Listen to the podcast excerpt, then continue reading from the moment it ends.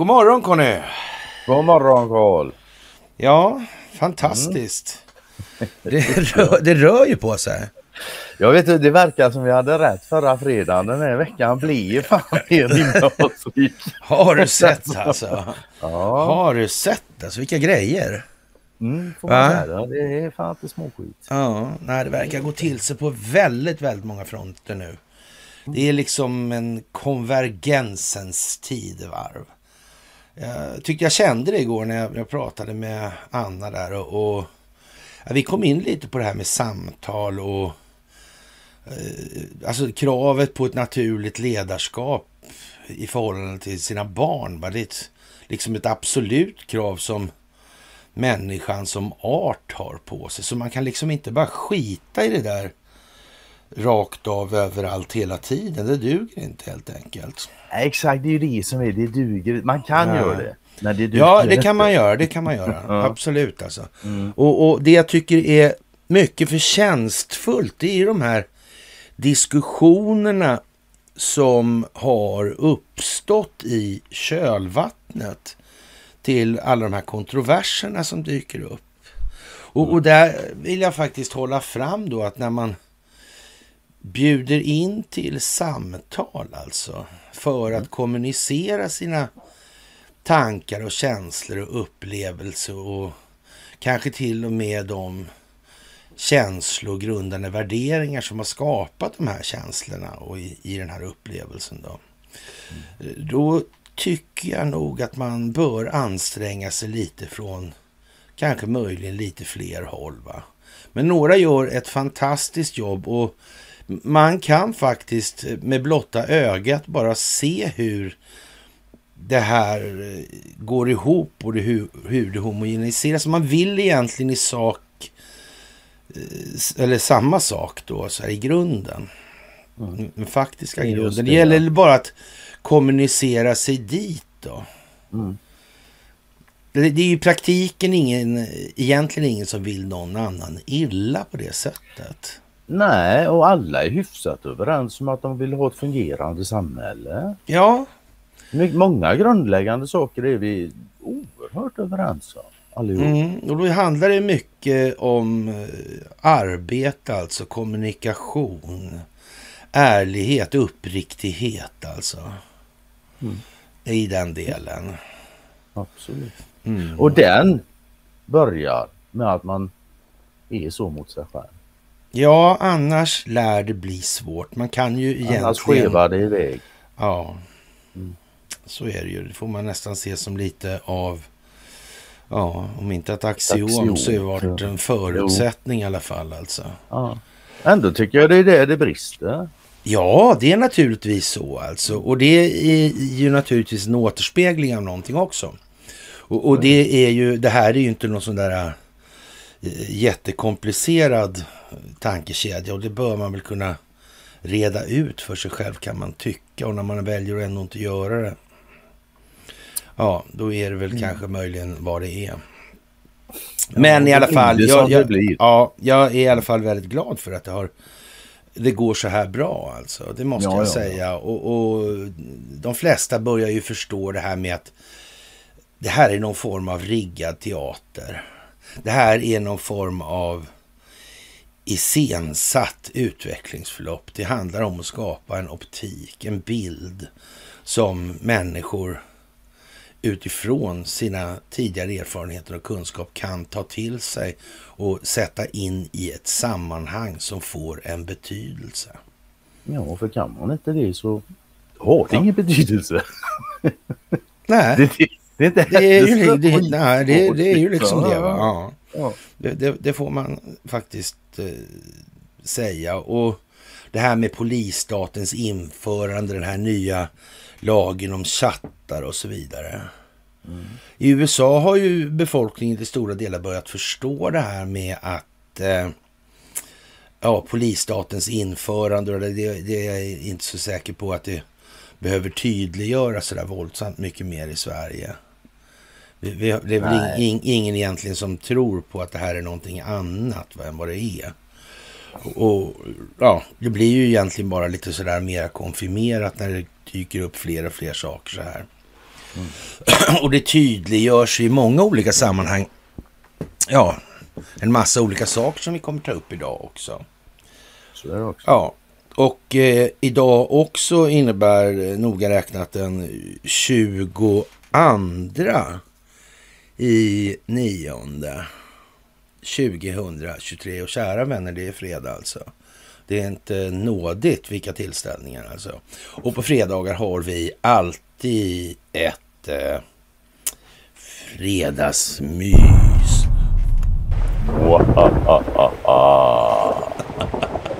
Fan, du lät ja. nästan som jag det du. Ja.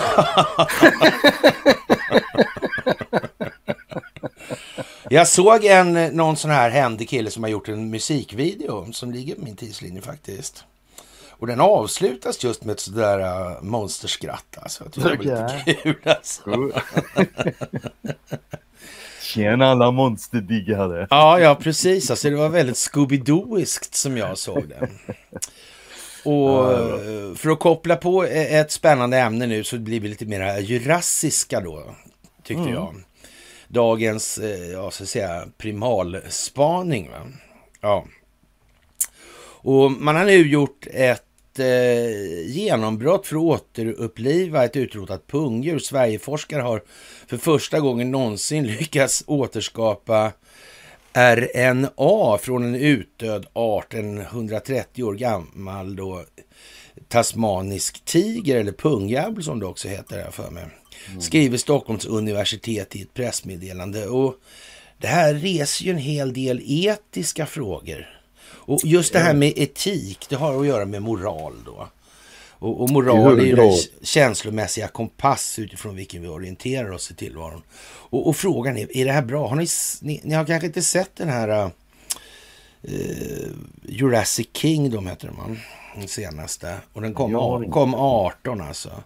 Och, och, där handlar det ju bara om det här då. Och sen har, blir det blandningar av det här gamla och det nya. Mm. Det verkar ju inte som att människans så att säga, eh, interventioner i naturen alltid har lett till den största möjliga framgången för varken människa eller natur. Nej, Däremot har den eh, påfallande ofta gynnat en del enskilda eh, vinstmaximeringsintressen när det handlar om, ja vad ska man säga, illusionen pengar. Nästan eh. som en röd tro genom historien. Ja, men det är väl det va? Ja. Det är liksom en bärande del. Ja, jag tycker det är fantastiskt alltså. Och jag tycker verkligen det är roligt det här med det här eh, förmågan att börja resonera med varandra. Alltså. Det tycker jag är jättetrevligt att se. Alltså. Hur man mm. skärper till sig då och, och uttrycker sig precis avgränsat, ärligt, uppriktigt. Det kan inte vara på något annat sätt alltså mm. i, i det här. Och, och, och det, ja. det, är inte ens svårt att göra så länge du kan hålla det till faktiska omständigheter. Så. Nej, precis. Det, det är bara så. Men det ja. står en sak i den här Göteborgsposten om, om den är ju från Göteborg. Där. Ja, det, ja, det, det, kanske, det är mer ovanligt tänkte du eller? Ja men det är ett stycke här i artikeln där om den här tasmanska Pungjävlen. Det står mm. så här. Eftersom den naturliga livsmiljön på Tasmanien till stor del är bevarad anses det finnas förutsättningar för en återintroduktion inom, mm. Av den tasmanska tigern. Vilket kan hjälpa till att återställa ekosystemet som rubbades efter att arten försvann. Och, och, och visst, så är det ju. När, när en art försvinner i ett ekosystem så rubbas ju ekosystemet. Det, det är ju mm. snack om. Men Alltså det där händer, alltså man får intrycket av att när ett ekosystem finns, sen är det för evigt. Om inte människan mm. kommer dit och, nej men så är det inte. Nej, det är inte så. Så är det inte heller. Mm. Och människan är dessutom en del av naturen. Men de har ju ändå planterat in lite dingosar och agapaddor och allt vad fan det De har ju gjort det ja. Och resultatet är inte slående så är det inte i alla fall som vi kan överblicka det. Men är, det, det, finns ju större perspektiv än så. Som, det har ja. ingen... Och, och, och kör man in den där nu så kommer han ta de lättaste bytena naturligtvis. Och sen finns det inte en hund och kattjävel kvar i hela Australien. Liksom. Mm, ja, Tasmanien då. Ja, Tasmanien. Tasmanien okay, ja, ja. Men visst, fan, visst mm. så är det. Ja, men för in den igen, för nu har vi kan säga så här, nu har ekosystemet anpassat sig under 130 år till mm. att den inte finns. Vad fan tror du händer när du kastar in den igen då? Rubbar mm. du det ekosystemet som finns nu då? Men, ja men fan ekosystem är en ständigt pågående process. Är det här skitsvårt att begripa? Mm. Det är jävla konstigt skrivet bara. Svenskt. Mm. Ja, jag vet inte riktigt. Det är som sagt det, det är en etisk fråga. Där kan man ju säga så här att eh, djurparker som sådana med levande arter, det går ju bort alltså. Men ja, hur är det egentligen med det här då om man börjar väcka gamla arter till liv? Mm. Och, och, jag vet inte vad det egentligen skulle fylla för syfte. Om det skulle öka förståelsen för evolutionen eller vad, om det finns några sådana möjliga poänger att göra då kanske. Men jag är inte riktigt säker Nej, på att det... Inte... Nej, jag tycker vi, vi har, borde egentligen ha nog, nog att göra med oss själva faktiskt. Det, vi, kan, man kan, vi kan börja där. Vi kan börja där i alla fall. Ja, så låter vi alla andra vara i fred liksom ja. ganska länge i alla fall. tills, tills dess att alla har fullgjort läxan helt och fullt alltså. ja, precis. Och människan är fullkomlig, ja. Precis, ja. Mm. Men, men, man ska inte utesluta att det ändå finns en möjlighet sådär. Så. Alltså. Ja, och, och, vi blir ju äldre och inte så gamla som pungjävlarna kanske. Men, eller vet jag inte förresten. Men, men äh, ja, vi vill ju ha pension. Och det går inte så bra för vårt pensionssystem nu har man konstaterat. Det var ju och, helt oväntat. Det var helt oväntat. Och det där ja. kan man väl egentligen då säga att har man inte förstått det här med pengarna Oh. Ja, då blir det ju naturligtvis... Eh... man kan säga, sitter man och oroar sig för sin pension nu, då är man inte med på tåget. Nej, det får man nog förstå. Alltså. Det, det där kommer bli sådär alltså. Mm. Ja, faktiskt. faktiskt. Ja. ja. Och eh, vi ska väl börja med att tacka som vanligt. Nu har vi i och för sig gjort det lite sådär, men vi ska tacka för att ni, ni är och att ni, det går som det gör alltså. Det är mm. otroligt fint att se. Det jag gillar tacka inte för att ni, ni lyssnar och ja, tacka precis. för att ni är med i samtalen. Ja, exakt alltså. Det gillas mycket. Oh, ja. Inte bara så här på fredagen utan det gillas i stort alltså. Mm. Mm. Tack för gåvor på Swish och på Patreon, verkligen. Och tack för att ni fördjupar er på karlnorberg.se och tack för att ni haka på Telegramtjänsten. Mm. Det blir ju en dynamik i den här rörelsen nu som inte har funnits tidigare och det är ju väldigt, väldigt bra alltså. Ja. Att folk faktiskt tänker till här. Vad säger vederbörande egentligen och vad kan det ligga för några syften bakom det där? Mm. Det, det en, liksom... sak som man, mm. en, en, sak som man är jävligt klar över. Vill man ha utveckling så måste man ha friktion. Mm. Ja, annars har du ingen friktion så blir det, det bara raka på, du bara lullar det på. Mm. Vill du ha utveckling måste du ha friktion. Och det är inga problem mm. med, friktioner och sådär. Problemet är hur du hanterar dem, hur man löser friktionerna. Ja. Det är det som är.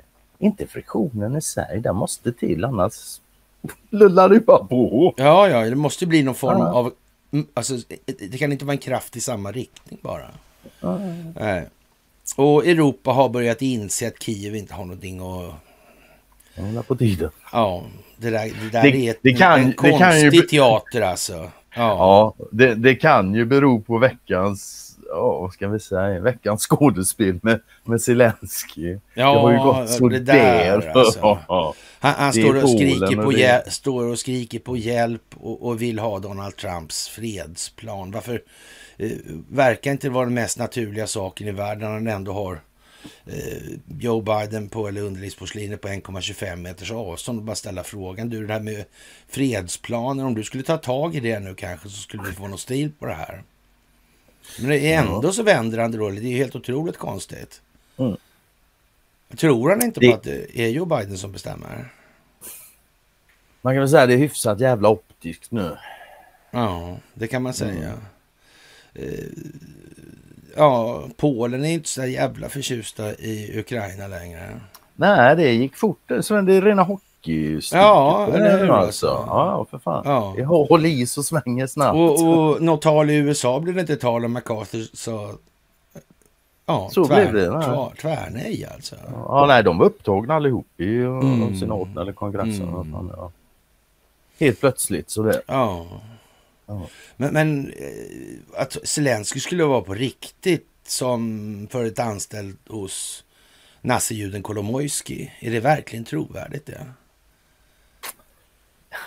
Oh, det är alltså, vad är det som är trovärdigt ja, men det, med det, det var det var... historien angående Ukraina? Ja, men man, man kan väl säga så här då, om man inte hängt med i det här från början då, kan man ju säga så här, redan 2014, då när judiska världssamfundet ville avjudifiera Kolomojski. Han var lite för mycket nazist. Man kan säga så här. Om man hade varit nervöst lagd och tyckte det var otrevligt med att bli kallad för ena och andra av Expo. Och, och mm. då, när jud, då dök ändå judiska världssamfundet upp och, och tänkte avjudifiera Kolomojskij. Men inte ens det gick ju att göra så. och Expo höll käften.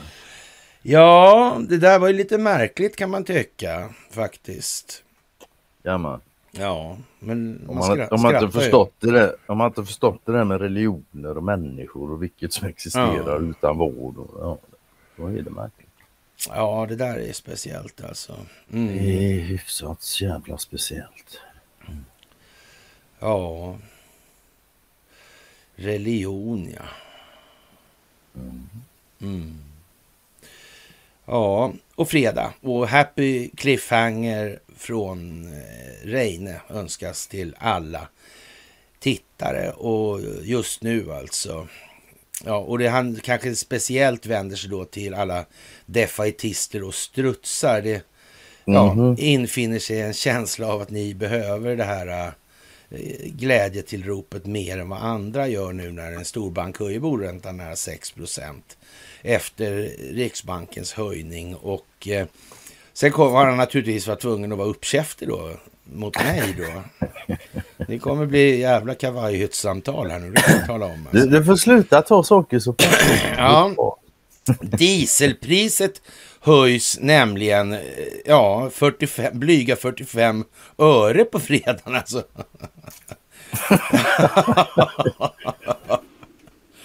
Det var en tråkig historia det. Ja, lite över 17 är det allt alltså. Kan man, kan jag, ja, med, jag ska hålla med om det alltså.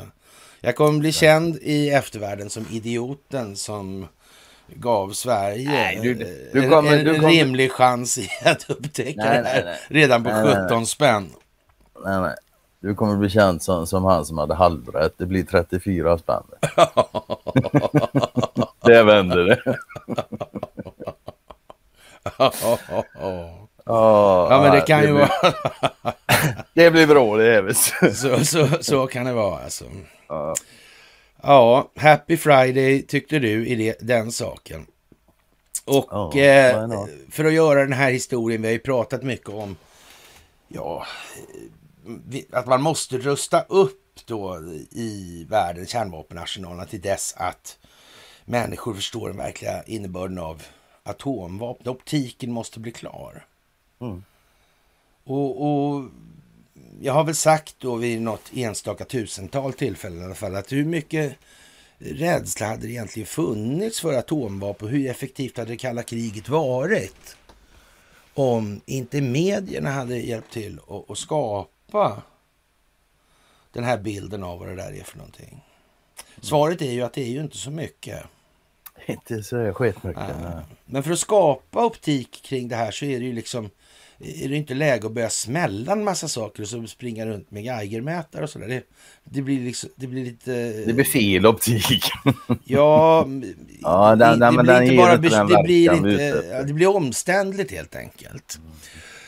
Men för att göra det här lite enklare då har EU-kommissionens ordförande Ursula von der Leyen anklagat Ryssland för tragedin i Hiroshima, säger det ryska utrikesministeriets taleskvinna Maria Sakarova.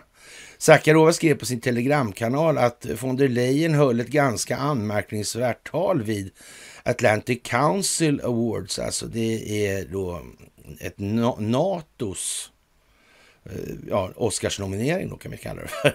ja. och, eh, och där sitter alla sådana här som Carl Bildt och en och annan sån där, ja, från Brookings kanske, ja, Robert Kagan kanske och Victoria Nolan kan vara inblandade.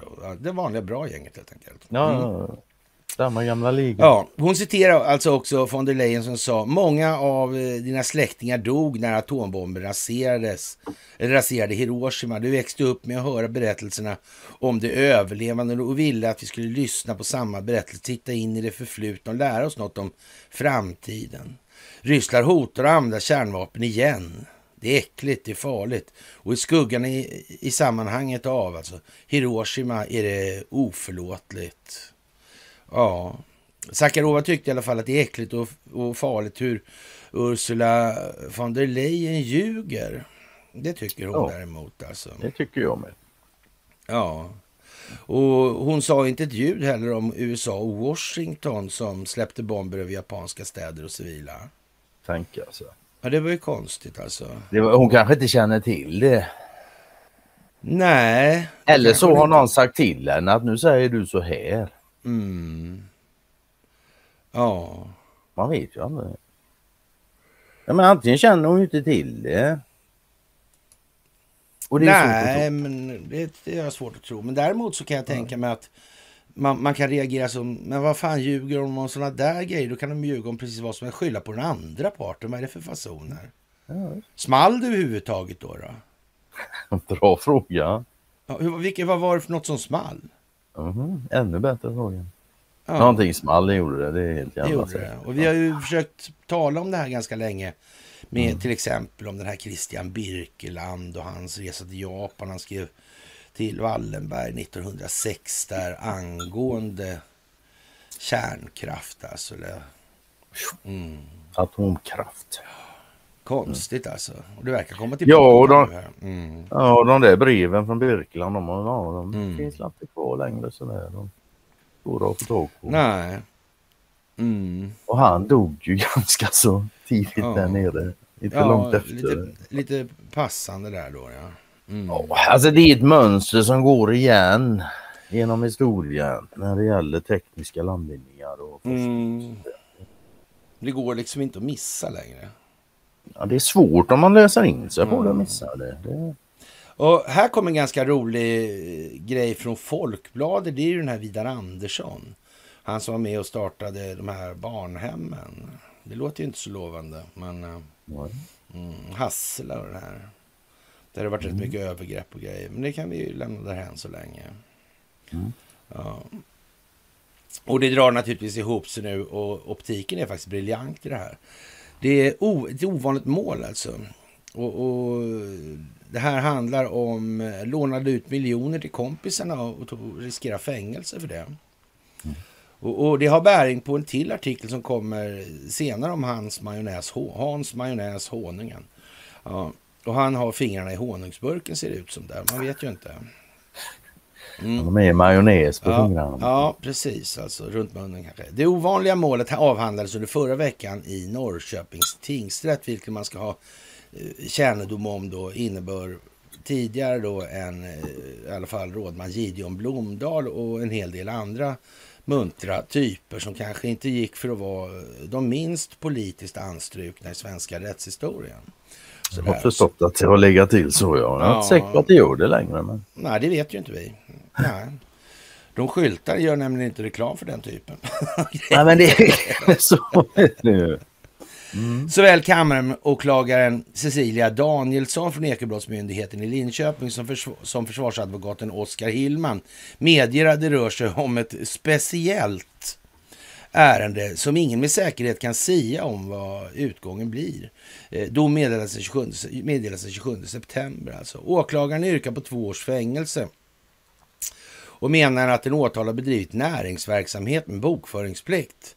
Försvaret slår ifrån som menar att fallet inte ens borde ha nått rättssalen. Jag, jag har bara hjälpt mina polare med pengar och inte tjänat någonting på det här. Snarare har jag förlorat en hel del, säger den åtalade mannen som vill vara anonym i Folkbladet. Eh, några saker i åklagarsidan och försvaret överens om. Mannen har lånat ut mer än 11 miljoner kronor till sju vänner under tre år som åklagaren siktar in sig på och ligger som grund för åtalet. De stora summorna har Norrköpingsbon dragit in genom betting på olika spelsajter. Uppgifter som åklagarsidan bekräftar. Så där finns det ingen diskussion alltså. Eh, ja, åklagarsidan kanske inte om det tvättade pengar, det vet man ju inte riktigt. Men det spelar ingen roll alltså. Nej. Det här är vad det är nu. Brottsmisstanken gäller alltså grovt bokföringsbrott. Och någon bokföring i egentlig mening har aldrig funnits. Den misstänkte har inte bedrivit någon professionell näringsverksamhet. Men lånen till vännerna har ändå dokumenterats och signerats via handlingar som har upprättats mellan långivare och låntagare. Som en privat bank skulle man kunna säga. Eh, hur ska man som privatperson kunna veta att man inte får hjälpa sina kompisar? Jag tycker det är helt sjukt att jag åtalas för det, men jag vill tro att domaren är duktig och proffsig och att han har lyssnat på vad vi har sagt i rätten. Du hotas av två års fängelse vid fällande dom. Ja, jag känner mig inte så orolig över det. Skulle jag fällas kommer vi att överklaga. Eh, ja, försvarsadvokaten Oskar Hillman uttrycker sig lite mer försiktigt angående utgången i målet. Domaren Anders Heiborn sa ju själv att det inte var helt enkelt att sätta sig in i det här. Och, och då finns det alltså vissa tvivel då med andra ord. När ska du som privatperson behöva upprätta bokföring? Det ska bli väldigt intressant att höra vad Norrköpings tingsrätt kommer fram till. För min klient känns det hela Kafka-aktigt, säger Oskar Hillman. Ett lån sticker ut i mängd. Det handlar om 4 miljoner kronor som den åtalade lånade ut till bankränta till en vän som driver företag. Det kan ligga min klient i fatet, medger Hillman, men då det endast handlar om ett lån så kan det ju knappast räknas som näringsverksamhet.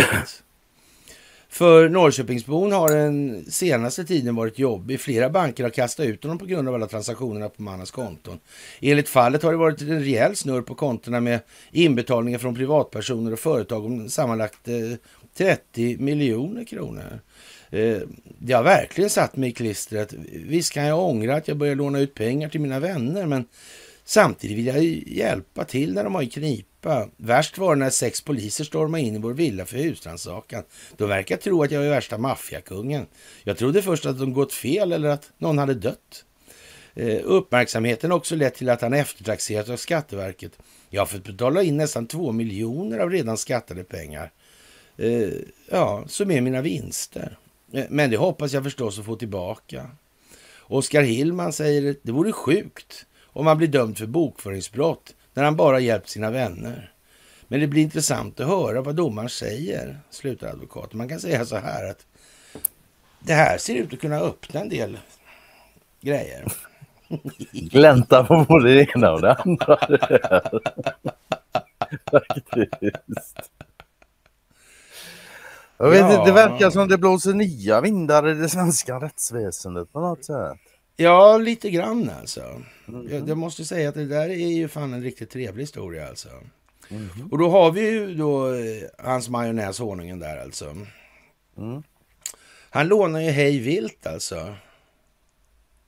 Mellan sina bolag och tar ut räntor också. Man får inte, vet inte, man får, varje situation är unik, men han har ju det lilla plusset i de sammanhangen, han är inte åtalbar.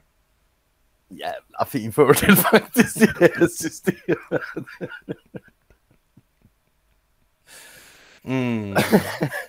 Nej men det verkar ju vara, vara ett gediget bygge det här samhället.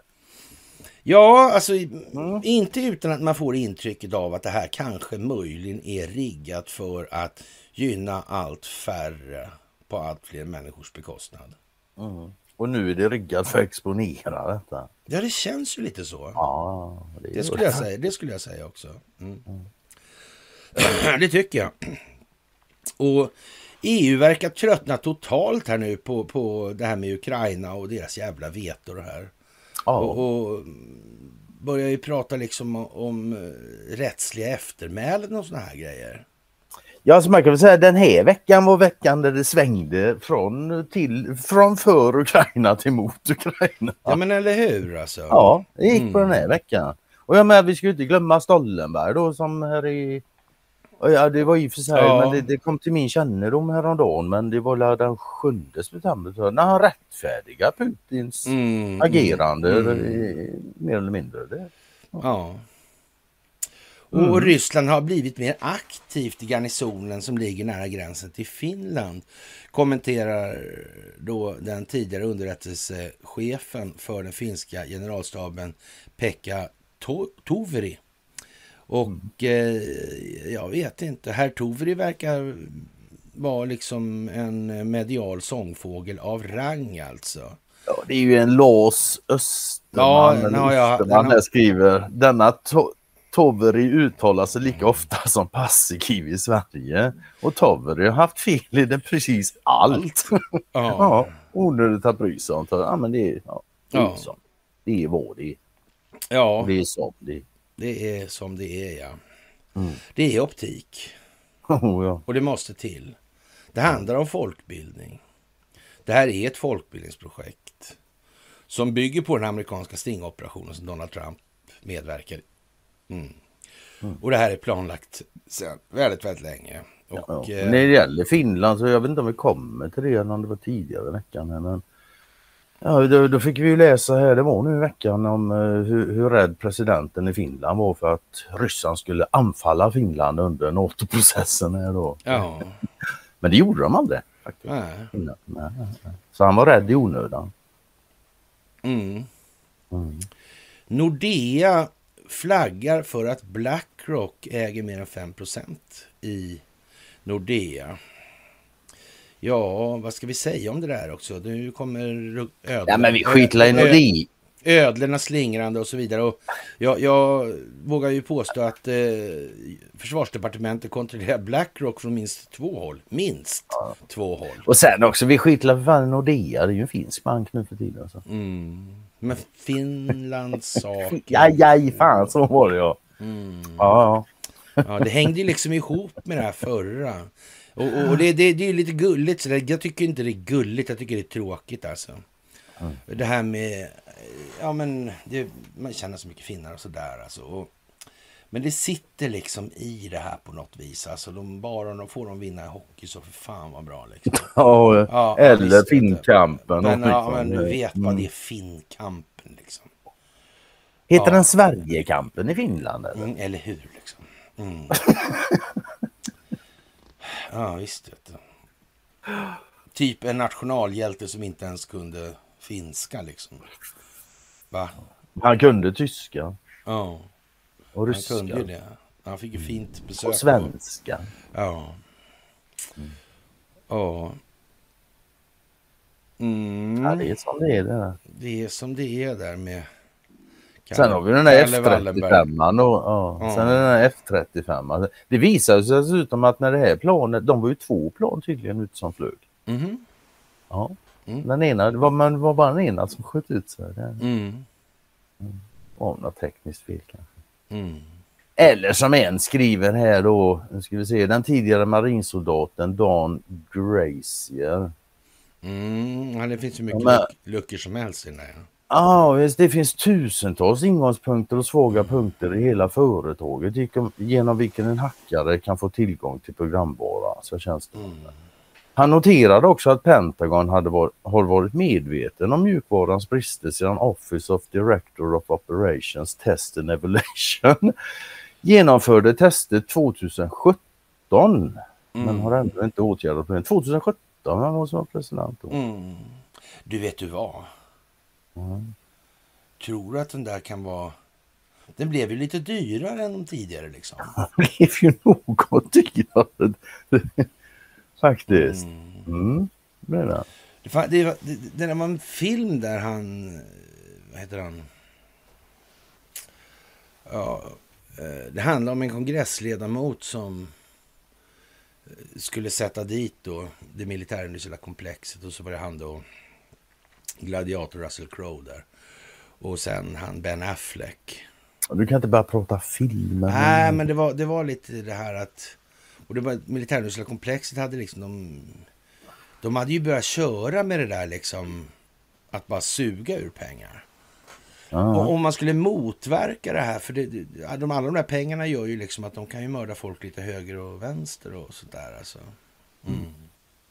Så är det också. Och, och, man skulle väl kunna tänka sig om man ska motverka det här, Conny, handen på hjärtat. Varför? Det är bara problem med det där flygplanet. Har varit hela tiden. Mm. Det, var till och med, det var till och med kinesisk elektronik i det helt och hållet ett tag. Mm. Ja. Helt och hållet till och med. Mm. Vad fan, ju... Vad fan ska man säga? Missar de det bara? Ja, troligtvis va. Alltså, jag skulle väl säga att... Eh, och, och, så kommer det här nu också, de här tusentals cybersäkerhetssårbarheter. Mm. Men handen på hjärtat, hur är det egentligen med amerikanska militären och flygvapnet? Har de en otroligt lång och utpräglad stridsvana eller har de mest slagit mot lakansklädda ökenbanditer som egentligen bara är några sketna legokläckar från olika ställen på hela planeten? Det är ju synd att säga att de har haft krigsvana bara, eller att de har krigsvana bara Mm. för att de har gjort vad de har gjort här de Mm. Senaste 50-60 åren. Mm. Det är ju inte som andra världskriget precis, flygvapnet idag. Nej, Inte nej, riktigt samma grej va? det Nej. är ju inte det. Och precis som du säger, de har ju fan skjutit bara på ja, sittande ankel. Ja, De har aldrig haft något motstånd. nej, Ja, de har aldrig mött något annat flygvapen liksom. i- nej, nej. Fan, Det är inte ju lite konstigt det där. Så man får nästan känslan av att den här dyrbara pjäsen liksom är en del i folkbildning och det har den varit från början alltså. Ja, exakt så. Och där har man kunnat suga upp då vilka människor som egentligen är mindre lämpade Mm. att hålla på med det här. För det, trots allt så finns det en grej i det här så, som är helt rudimentär, alltså helt grundläggande. Det är det här att, att ja, militär operativ förmåga, det är en sak. Enskild vinstmaximering, det är någonting helt annat. Förr eller senare kommer de där två att stöta på varann om de befinner sig inom ramen för samma verksamhet. Och då kommer någonting att behöva prioriteras först. Och ett globalt militärt industriföretag, det är vad det är i det sammanhanget. Så det. Mm. Och det lyder också under monetärmekanikens... Och, och jag skulle vilja påstå, jag tror på något vis att till och med Dwight D. Eisenhower förstod det. Det är nog inte helt 19, möjligt. va? 1961. Mm. Jag kan ha fel, men jag tror att det är så faktiskt. Mm. Jag vågar påstå till och med att det är så. ja, jag säger inte emot det. Det- Ja, Zelenskys redovisade åsikter som marionett är väl inte allena saliggörande och det har kanske de flesta börjat förstå nu. Och han välkomnades ju då varmt och hjärtligt kanske inte, men i alla fall till Vita huset. Han då. välkomnar. Ja, han blir inte utsparkad. Ja, Ja, ja. Det blir man. Men, men eh, Alltså han- när Dagens Nyheter får Ja, skriva en artikel om att Zelensky hade behövt ett möte med Trump. Ja, det då- då har det är fan ju- hänt någonting. Då är det någonting som är allvarligt fel här. Alltså? Ja. Du, och, då går, och, och, och på bilden är han tillsammans med Joe Biden. Mhm. Känns Det är inte någon- det någon- någonstans någonting som har att hänt det, med Någonting har ju blivit lite tokigt här alltså. Duger inte Biden då eller? Ja, det, är- det är inte Vad som det är var det, förra veckan. att, vad är det som gör att inte Joe Biden duger till att kommunicera den här frågan? Men vad är, exakt är det för någonting? Ska jag svara på det eller? Nej, jag vet inte. Du kan väl eh, fundera lite och ge mig en, ge mig en bild. Jag, jag, förstår inte alls alltså. Jag tycker att det här är liksom... Har man inte förstått att det här är planerat nu, då, då vet inte jag när man ska förstå det. Det, det måste ju vara när man får skriftligt från amerikanska militären. Men det kommer man ju inte få förrän rättegångarna är klara, så att säga. Nej, det är ju det som blir det skriftliga. ja. Det blir ju Ja. rättegångarna. Alltså, Det Mm. blir ju kvittot på att... Ja. Men sen vad det gäller Biden, att han duger, det skulle ju kunna bero på att han har inget P framför sin titel. Liksom. Det, det är resident, det är inte president. Ja. Någon, har, någon har satt P för hans presidentskap. Ja. Ja, och han kanske är besviken nu, där Zelensky då, men eh, ja, han har nog anledning att vara lite orolig då, för, för eh, det är ju liksom eh, inte så varma vindar som blåser längre. Det börjar blåsa snålt alltså.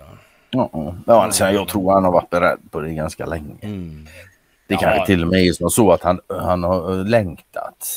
den här Nu, nu försöker jag liksom stridsmåla här, va? göra liksom eh, teatern trovärdig. Då ska inte du komma och säga, han är ju för fan marionett. Han vet ju om allting, ja det kan man ju säga, men det blir Vadå, inte så roligt. Vadå, vadå jag förstöra? Har du läst din egen ingress, ingress till det här eller? Jo, att Zelenskyjs redovisade åsikter som marionett inte är saliggörande. Hallå eller? Vem är det som ger bort vad? Men jag tänkte, om, man tar det först liksom sådär, så kan de läsa allt det andra och säga, ja fan så, det, så är det ju naturligtvis liksom. Ja, jösses. Ja, ska inte märka, mär, det- märka eh, ord så här på, och detaljer så här på fredag. Det mär- märks att det är fredag idag. Ja, ja, det är skönt alltså. Mycket Ja, ja. piggare idag. Igår var fruktansvärt sött alltså. Ja, det var ganska bra. Ja. ja, Trump har vägrat eh, säga vem som borde vinna kriget i Ukraina. Däremot säger han att han kan få stopp på kriget inom ett dygn. Det låter som ett eh, löfte om fred, men eh, ledningen i Kiev ja, hör hotet om eftergifter, eftergifter till Ryssland alltså. Ja, jag vet inte. Konstigt alltså. Ja, ja, de hade mycket att göra. lite. De hade, hade mycket att göra, de hann inte det helt enkelt. Ja. Ja, så, Och. Zelenskyj hade alltså behövt ett möte med Donald Trump, säger Dagens Nyheter. Ja, jag vet inte. Och, och han har försökt nå honom via medierna, CNN till exempel. Sådär. Ja. Och, och, och säger att eh, Trump borde presentera sin formel för fred alltså. Men, Ja, men han kan väl inte göra enkel. någonting och det, det, det väl bara sluta kriga.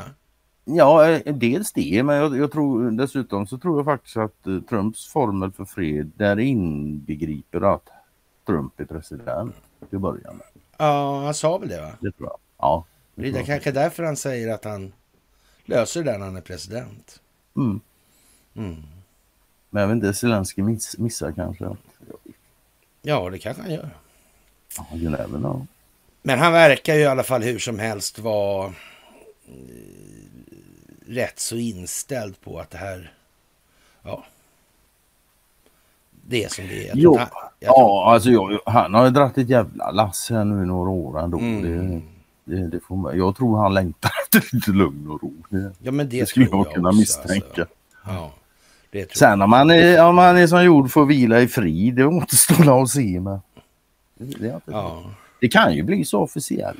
Och Jimmy Åkesson avgör kronans öde. Har du hört på maken alltså? Jimpan fixar biffen alltså. Helt plötsligt spelar varken räntenivån, löptiden eller det nominella beloppet på skulden någon roll. Jimmy fixar det där liksom.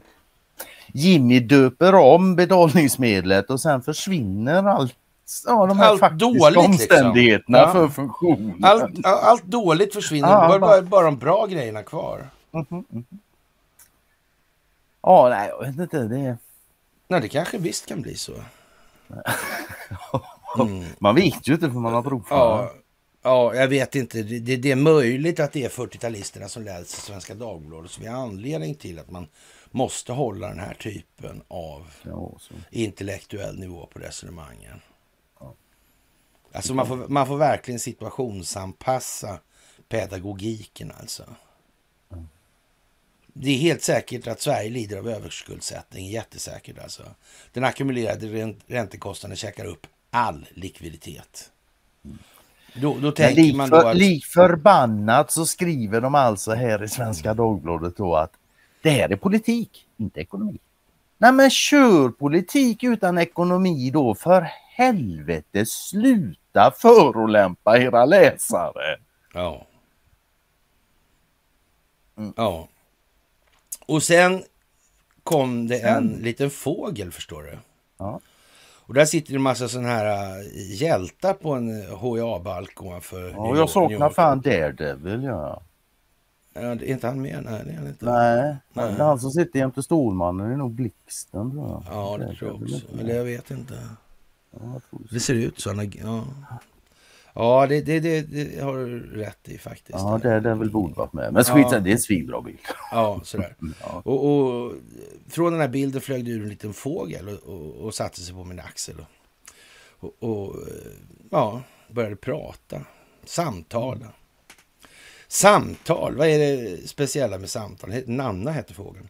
Eh, vad är det speciella med samtal? Under året ändrade myndigheterna i Sverige innehållet i direktiven för skolan.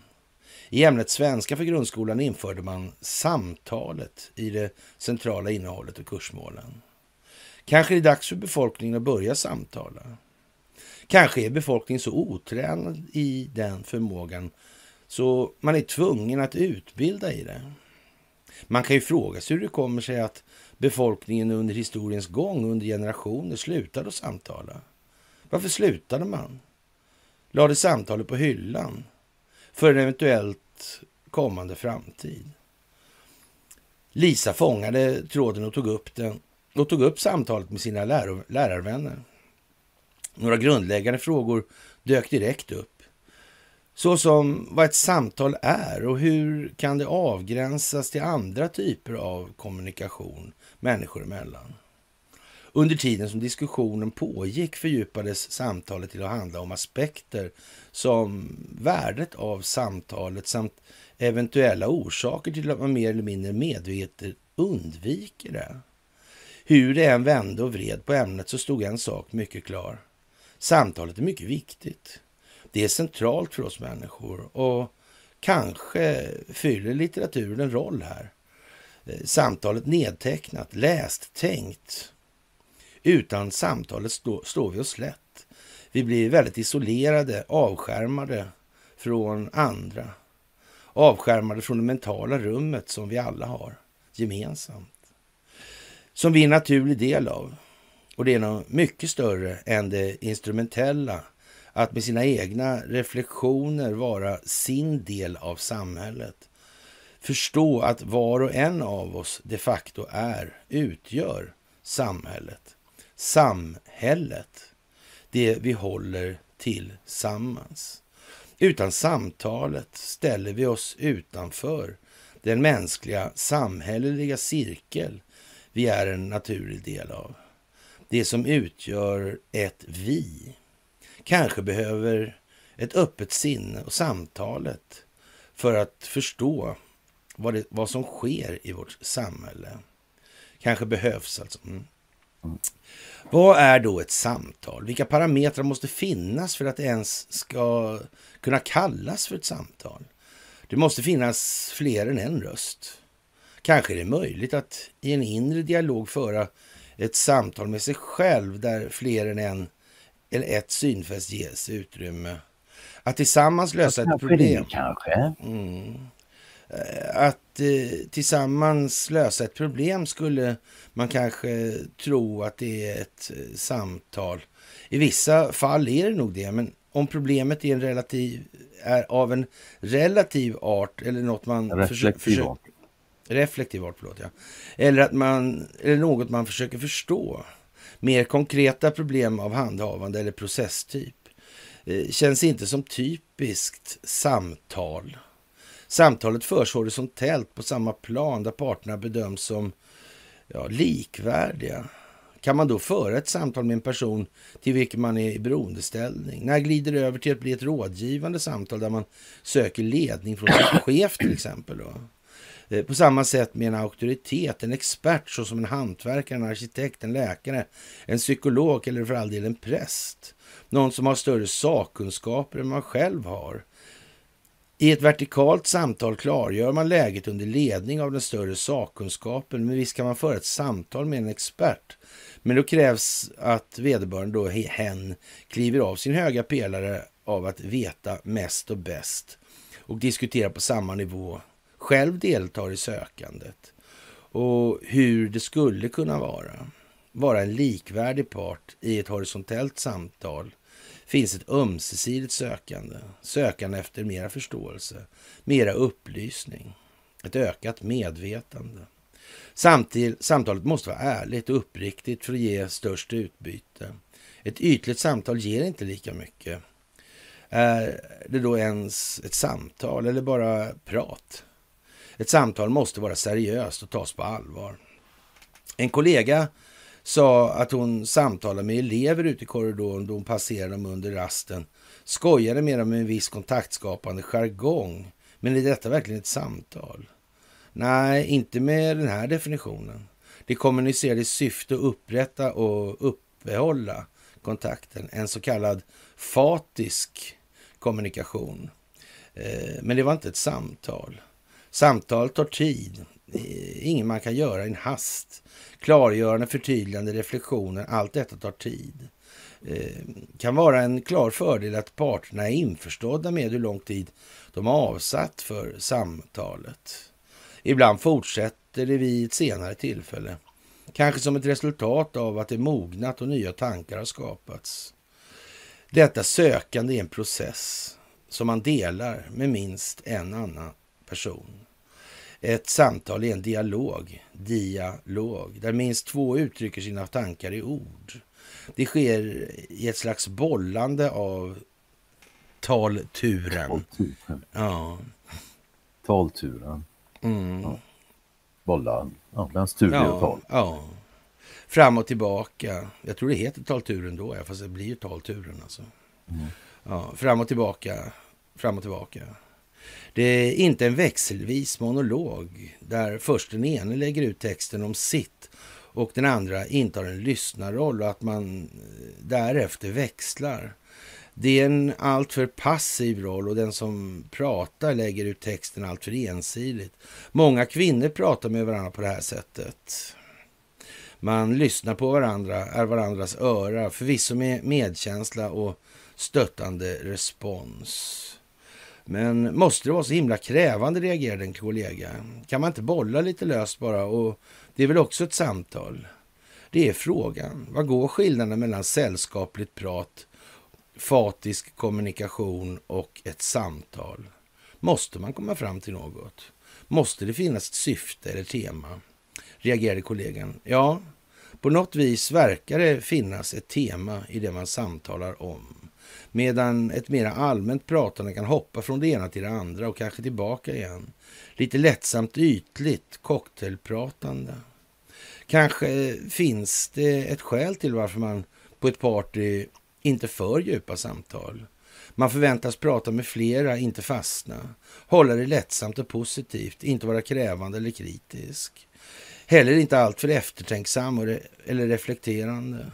På engelska finns ordet snappy att prata på ett snappy eh, sätt och att prata på ett smart, ytligt, snabbt, ofta roligt sätt.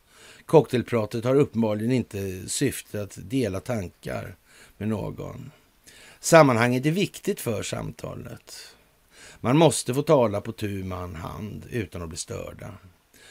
Andra ska inte heller lyssna på det man säger. Är det av konfidentiell art kanske man även ska undvika det digitala, inklusive telefonen. Ett utmärkt sätt att samtala är att ta en promenad eller en cykeltur tillsammans. Tiden blir då per automatik avgränsad. Ett samtal kan vara att dela sin tankevärld med någon, att tillsammans vända och vrida på något, att komma fram till något, att tillsammans söka förstå mera. Här krävs att man klarar att utlämna sig. Här krävs eh, att sammanhanget tillåter att man utlämnar sig. Efter flera återkommande samtal om samtalet kom denna djupare aspekt upp till ytan. Hur samtalet skulle kunna uppfattas som hotfullt. Man kanske inte vill visa sig. Eh, mer eller mindre medvetet förstås. Sanningssökandet och uppriktigheten kan inte samtidigt dölja eller maskera. Har man det behovet så kanske man eh, undandrar sig samtalet. Man, eh, man måste man säga allt till alla andra då? Eller till andra? Kan man inte behålla det privata för sig själv? Jo, den privata sfären finns nog alltid där. Kanske en del av en självbevarelsedrift. Instinktivt lägger man kanske locket på vid behov. Tystnadsplikten fyller här sin roll. Behovet av att samtala finns där. Behovet av att uttrycka sin, sitt innersta ord. Bikten är en av de heliga handlingarna. Sakramenten inom katolska kyrkan, präster och disko, di, diakonissor tar många samtal inom den protestantiska kyrkan. Men att rentvå sitt innersta och hoppas på förlåtelse är inte detsamma som att samtala. Att fråga och få svar är inte ett samtal, utan påminner mer om ett förhör, vilket kan upplevas mycket obehagligt. Tanken för till tonårsbarnet som inte vill tala, tala med en. Absolut inte samtala. Kanske måste man ge sig till tåls några år och låta det mogna. Att finnas där för dem när de vill samtala. Tyvärr för tanken även till det halv eller kanske heldöda äktenskapet. Äktenskapet eller relationen som reduceras till ett förstelnat ja, kadaver utan levande innehåll. Att tvinga fram samtalet påminner mest om konstgjord andning. Kanske tilliten sträng har brustit. Kanske utbytet inte är så stort längre. Man får inget som man själv värdesätter tillbaka. Pusslet går inte ihop längre. Aldrig känner man sig så ensam som i ett äktenskap helt utan samtal. Därmed inte sagt att det kan kännas som eh, ja, en underbart fin upplevelse att i tystnadens gemenskap vara bredvid varandra. Den närhet man hade som förälskad, som kär och som partner i ett äktenskap kan tyvärr grumlas av besvikelser, av svek, av trista erfarenheter som förstör till tilliten till den andra. Men kanske till och med blir rädd för att bli förrådd eller rent av för repressalier. Tanken går till familjens middagsbord där inget naturligt samtal förs. Kanske det mera handlar om att med kontrollmetoder se till att ett visst ämne eller tema ska undvikas att väckas. Inget samtal om detta ska föras. Tanken går till arbetsplatsens fikabord där det är tabu att nämna elefanten i rummet. Med härskartekniker kan initiativ till samtal slås ner i sin linda. Ett avfärdande tystnar de flesta. Närhet till en annan människa kan uppnås som effekt av att man ömsesidigt är uppriktigt, uppriktiga, blottat sina tankar och känslor, varit äkta och sanningsenlig. Det krävs då mer än att den ena parten varit uppriktig. Samtalet kräver minst två parter, uppriktighet i känslan av sammanhang och gemenskap. Utan uppriktighet och utbyte av äkthet blir det isolering. En ö utan anknytning till andra, en ensamhet. Vi är sociala varelser, vi behöver varandra. Kanske krävs det ett visst mod att släppa in en annan människa i ens tankevärld. Rädslan att bli avvisad är stor, att inte bli accepterad för den man är. Men priset för isolering är högt. Nära vänner spelar en mycket stor roll. Finns kvar efter skilsmässan eller efter jobbytet. Det finns kvar oavsett ebb och flod i ekonomin. Oavsett livets årstider. Vänskapspusslet avgör vad man kan samtala med. Vad man kan samtala med var och en om. Kanske man har vissa favoritämnen ihop. Med en vän kan man samtala om något som kanske är omöjligt att samtala om med en annan. Ungefär som gemensamma aktiviteter. Man får ställa in rätt förväntan vad som kan levereras i just den relationen och utifrån situation och dagsläge på ett inkännande sätt finkalibrera och finjustera förvä sin förväntan. Samtalet har en finstämd kvalitet.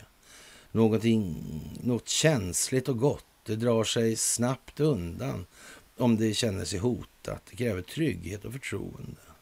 Samtalet är oerhört värdefullt. Det ger en människa känslan av gemenskap med andra. Att betyda något för andra, att ha ett egenvärde. Samtalet ger en ökad förståelse för det vi har runt omkring oss och det vi alla är en del av. Där vår egen tankevärld kontrasteras och berikas med andras. Samtalet är något vi behöver. Och det sitter alla superhjältarna på samtal. Ja. Mm. Tänk vad konstigt. Dessa våldets koryféer. Mm. De är inte blyga för fysisk kraft någon av dem. Nej. Ja, det är lite tänkvärt. Det tycker jag. Det där är, eh, ja, det där är läsvärt. Ja. Det skulle vi egentligen kunna göra ett helt mys om tror jag, den här texten. Och, ja, ja men lite så. Va? Ja, absolut. Det där var en ja. Eh, bra text tycker jag. Ja, absolut. Mm. Oh, ja. Faktiskt. Väl... Ja. En bra grund för vidare samtal. Ja, så kan man säga. ja.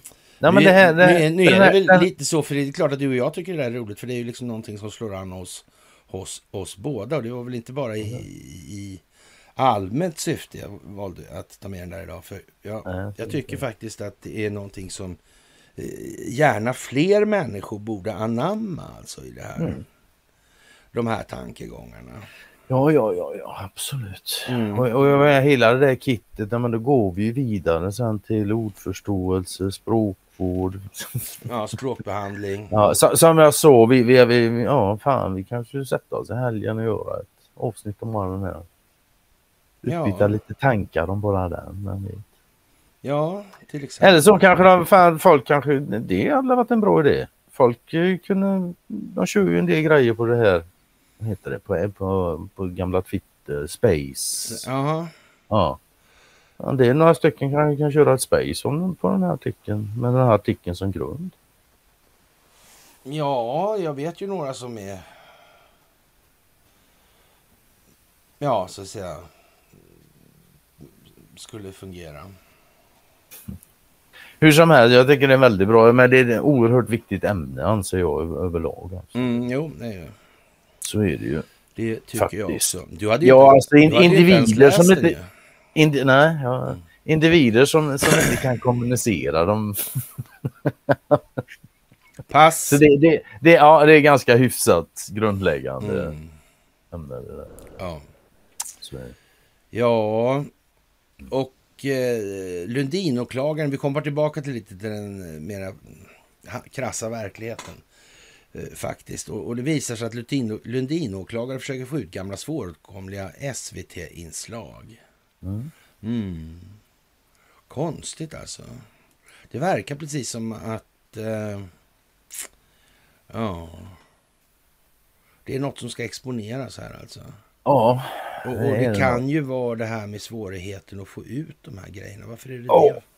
Vad, hur, vad, alltså, vad, hur rimligt är det att det ska vara svårt att få ut gammalt tv-sänt material från mm. Sveriges Televisions arkiv?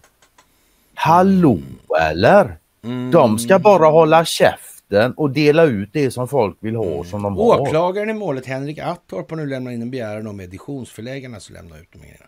Han berättar att eh, sedan huvudförhandlingen inleddes Eh, har identifierats tre tv-inslag som sändes i SVT under åren 2000-2001 som han bedömer vara av betydelse för utredningen. Vidare framgår att åklagarmyndigheten tidigare har tagit kontakt med både SVT och Kungliga biblioteket när det under förundersökningen identifieras programinnehåll från SVT som har bedömts vara av betydelse. Eh, Kungliga biblioteket meddelade då att man förvarar materialet på Kungliga biblioteket men att materialet inte får överlämnas till rättsvårdande myndigheter utan ett editionsföreläggande från svensk domstol eller samtycke från rättighetsinnehavaren. SVT meddelade vid kontakt att samtycke av principiella skäl inte ges. Ja, det räcker väl så va? Ja, visst. Mm. Jag tror det liksom är lite färdigsnackat sen. Mm. Ja. Och, och det lär ju visa sig hur det blir med den saken. Oh ja. mm. Jag tror att eh, en viss eh, förvaltningsassistans kan säkert sätta fart på samarbetsviljan, det tror jag. Det kan nog hjälpa till. Man kan säga hela det här Lundin, ja, men är det någonting som är riggat för att exponera saker och ting så hej Lundinmålet. mm, precis. Det... Sen, sen, finns det någon sån här halvdeprimerande historia av Andreas Cervenka då. Och, och, och, med allmänt banksvammel då som är... är... Ja, jag, har, jag har ett ord till det. Tråkigt. Ja. Ja. Ja, precis. Alltså det, det där ja. är... Ja. Det är monetärmekanik. Ja, och det, det, här går, det här går nu ut på att... Nu, nu ska man mäta alltså. Hur mycket fattar folk i det här egentligen? Mm. Hur mycket är de kapabla att ta till sig? Hur mycket förstår de av det här att det här systemet är helt jävla kört? Eller tänker de krypa in i den här jävla bankprosan igen då? Och se om det kanske inte är så där som de börjar ana att det är. Det är mätningar nu hela tiden. Ja. Hela, hela tiden. Kan jag kan ja. också tänka mig att faktiskt den svenska befolkningen är hyfsat central när det kommer till det här med monetärmekaniken mm. eftersom vi faktiskt är det enda landet så vitt jag vet som har människor som pratar om det överhuvudtaget. Mm, mm, mm, mm. jag, jag vet inga andra som gör det. Nej. Det är skuldmättnad och... och Nej. Ja. Ja, och norsk polis, ja. Ja, norsk polis har problem med svenska gäng som utför brott i Norge varje vecka. Ja, men ta bort landsgränsen och så har vi inga problem det. Nej, precis. Ja. Då är det kriminalitet överallt. Ja. Ja, men det... Nej, det var inte här, det var något annat. Mm. Men sen hände en kul grej. Mm. Faktiskt. Ja. Metangasläcka upptäckt i Östersjön. Alltså. Det bubblar ja. intensivt alltså. Och landsortsdjupet. Landsortsdjupet, det står inte det i, i tidningen. Alltså. Det har jag lagt, jag har lagt dit det. För det, det, är vad som ligger där alltså. Ja, visst. Ja, det var naturligtvis, det kommer de aldrig på. Så det, det är bäst jag lägger dit det. Ja, hur som helst. Landsortsdjupet är Östersjöns djupaste punkt. Djupet är uppmätt till cirka 458 meter beroende på vattenstånd och ligger sydost om Nynäshamn, 22 kilometer sydost om Landsort. Landsortsdjupet är en eh, förkastning och fanns mer än en miljard år före själva Östersjön. Förmodligen har den alltså släppt ut metangas förr då, om man säger så. så. Det är inte omöjligt. Nej. Ett och, och, sen kommer artikeltexten så här. Då. Ett omfattande läckage av den kraftfulla växthusgasen metan har upptäckts i ja, djupa delar av Östersjön. Redan här måste man nästan känna då att det här med metangas, eller vä vänta nu förresten, kanske det här med växthusgaser och växthuseffekter kanske är något, det där verkar konstigt alltså. Ja, ja. Upptäcks djupa delar av Östersjön ett par mil utanför Nynäshamn. Läckaget finns på 400 meters djup och är ett hittills okänt fenomen i Östersjön. Och eftersom det inte finns så där exakt många 400 meters djupställen i Östersjön så kan ja. man säga att eftersom det här ändå handlar om 400 eh, meter så, och dessutom i närheten av Nynäshamn så föranleder det mig att misstänka att det kan vara någonstans i närheten av landsortsdjupet i alla fall. Mm. Om det sen inte är exakt 458 eller 426 liksom, men give or take liksom. Mm. Ja, och forskarna misstänker att en del av metanet tar sig ut i atmosfären, men det behövs flera mätningar för att klarlägga det. Utsläpp av metan ger en mångdubbelt större klimatpåverkan än koldioxid, men troligen är effekten av just det här utsläppet begränsat eftersom det rör sig om eh, ett mindre område. Ja, annars brukar det ju populärt säga att det ligger mycket båtar eh, på botten här vid landsortsdjupet. Man kan väl säga så, så om, om du vill bli av med saker och ting, vad I Östersjön ja. istället och sänka det på då eller? Mm, mm, mm. Tar du det grundaste istället? Ja. Ja. Då frågan. Ja. Faktiskt alltså. Mm. Mm. Ja, jag vet inte. Det där är lite udda faktiskt. Ja, det kan man säga. Mm. Det kan man det är, ja, dels både det här med klimatet och det ja, verkar konstigt. Och sen också det här att som sagt var om du vill dumpa någonting i Östersjön som du inte vill att andra ska hitta. Ja. ja jag hade valt det djupaste stället. Ja men typ alltså. Ja, det, mm. det hade jag. Jag är inte mer komplicerad än så. Nej. Sen är det, är det en fräck människa här, Thomas Stjernqvist heter han. Utgivaren för att heta mm. i alla fall. Han, han, skriver att det är ju inte bara Karl, Norberg som har copyright på folkbildning. Vad menar Karl alltså? Det är det mm. väl? Ja, och upp, upprop för att rädda folkbildningen. Stoppa regeringens nedskärningar av studieförbunden. Jag trodde det här med studieförbunden var eh, liksom någon verksamhet som behövde gås igenom rätt ordentligt i alla fall. Va?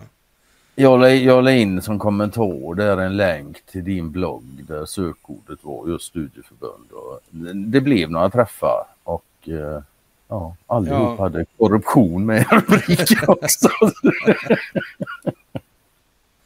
typ. Ja, ja jag Så, vet inte. mm. Men med det sagt, alltså, ja visst. eh, Ja, folkbildning måste till. Så är det. Och jag har Ja. inget emot, ja visst, jag har liksom ett studieförbund, så absolut. Så här, men som det används och har använts i det här Så systemet. ska det så nog bara inte så. fortsätta med. Nej, det ska inte fortsätta som det har varit. Nej, här skrivs inte på någonting för att rädda någon jävla Ja. folkbildning som har varit i det här systemet. Inte för Ja. mig. det. Och Skanska ska bygga ett stort akutsjukhus med sju våningar i Florida. Kontraktet är värt en halv miljard eh, kronor. Och, och Det byggbolaget Skanska tecknade avtal i, också i juni om att uppföra en byggnad för kontor och forskning åt fastighetsbolaget Vectura som ägs av Investors helägda dotterbolag Patricia Industries. Nu tror inte jag man ska börja se de här eh, nya affärerna som någonting negativt. Jag har en Jo, negativt för Waldemar. Ja, det kan man säga. Ja, Alltså. ja. Ja, Men nej. så är det. Men å andra sidan så vet ju inte vi heller, det ska vi också ärliga och säga. Så här, vi, vi vet ju inte hur länge de har varit under tvång så att säga. Och, och det kan ju Mm. vara, i princip så skulle det ju kunna vara ja, hur lång tid som helst alltså i princip. Inte, ja, inte hela, hela förbi världskrig och sådär kanske, men, men, eh, eller Kennedy kanske, men i modern tid skulle man ju kunna tänka sig att det har liksom ställts en del trista ultimatum. Ja, man, alltså jag kan mycket väl tänka mig att den nu levande generationen Wallenberg som sitter på topp, den äldsta då. Att De- de, kanske har varit kopplade hela sina liv. Ja, Det är inte omöjligt. De är bara några år äldre än vad vi är. ja, De är hela 50-talister och sådana. ja 50, mitten på 55. där. Ja, de är 10 år äldre än vad- du och jag är. Ja, det där är lite speciellt alltså. Ja, det är Men- hyfsat men, jävla Men, speciellt. eh, ja, som sagt, det är klart man... Vi får se. och pappa rånar banken så är det inte bara att ge bort pengarna till sonen och, och, och sen är allt frid och fröjd. Liksom. Så Nej. går det inte att göra. Jag har faktiskt en polare, hans brorsa rånade posten en gång i Göteborg. Så här, som en, ja, och min polare sa till honom sen då, fan du skulle ju svängt förbi mig naturligtvis och lämnat av det. han. Men det hade ju inte hjälpt alltså. Det hade det inte. Nej. Och det, ja, det är ju länge sedan, så här, det var på den tiden det fanns postkontor och de, de gick och rånade överhuvudtaget. Mm. Det är ju inte på den här sidan 2000-talet. Ja. Men eh, som sagt, det är de större perspektiven som gäller i de här betraktelserna nu alltså. Mm. Mm. Och avrustning och demilitarisering med andra ord. Alltså. Ja. Försvarsministern bekräftar att ukrainska piloter har utbildats på JAS. Och, och, och det är väl ingenting att diskutera om. Alltså. Nej, tycker jag. Problemet är att vi måste ha så mycket att det inte går att etablera en våldspotential som är större inom den ramen som ska utgöra det här landet eller vad det nu blir för någonting. Det här ser ju liksom lite halv... Ja, det där är en bra brasklapp. Vad det nu blir för någonting av det här alltså. Det är ingen jävel som vet. Ja, ja, ja. Eller ja, det finns nog de som vet vad de har tänkt. Men vi får se. Ja. Men eh, det blir ju i alla fall bättre än vad det är. Va? Så det, ja. det är det ju liksom ingen snack om. För annars blir det bara stök av allting och det är det ingen som är bekänt av. Nej. Nej, Faktiskt. Så. sådär. Å andra sidan så finns det ju inte, inte exakt så vi har sådär mycket att välja på heller. Nej, valen är hyfsat begränsade. Det får man nog fan utgå Mm. ifrån. Det kommer nog göras klart vad det lider också. Så. Ja, det känns ju som att det Mm. har nog redan gjorts så också. Jo, jo, men jag menar mer allmänt. Ja. Ja. Och det är inte så att vi har brist på ämnen idag alltså. Nej, nej. Som Ja. sagt var, var en hyfsat innehållsrik vecka är med. Mm.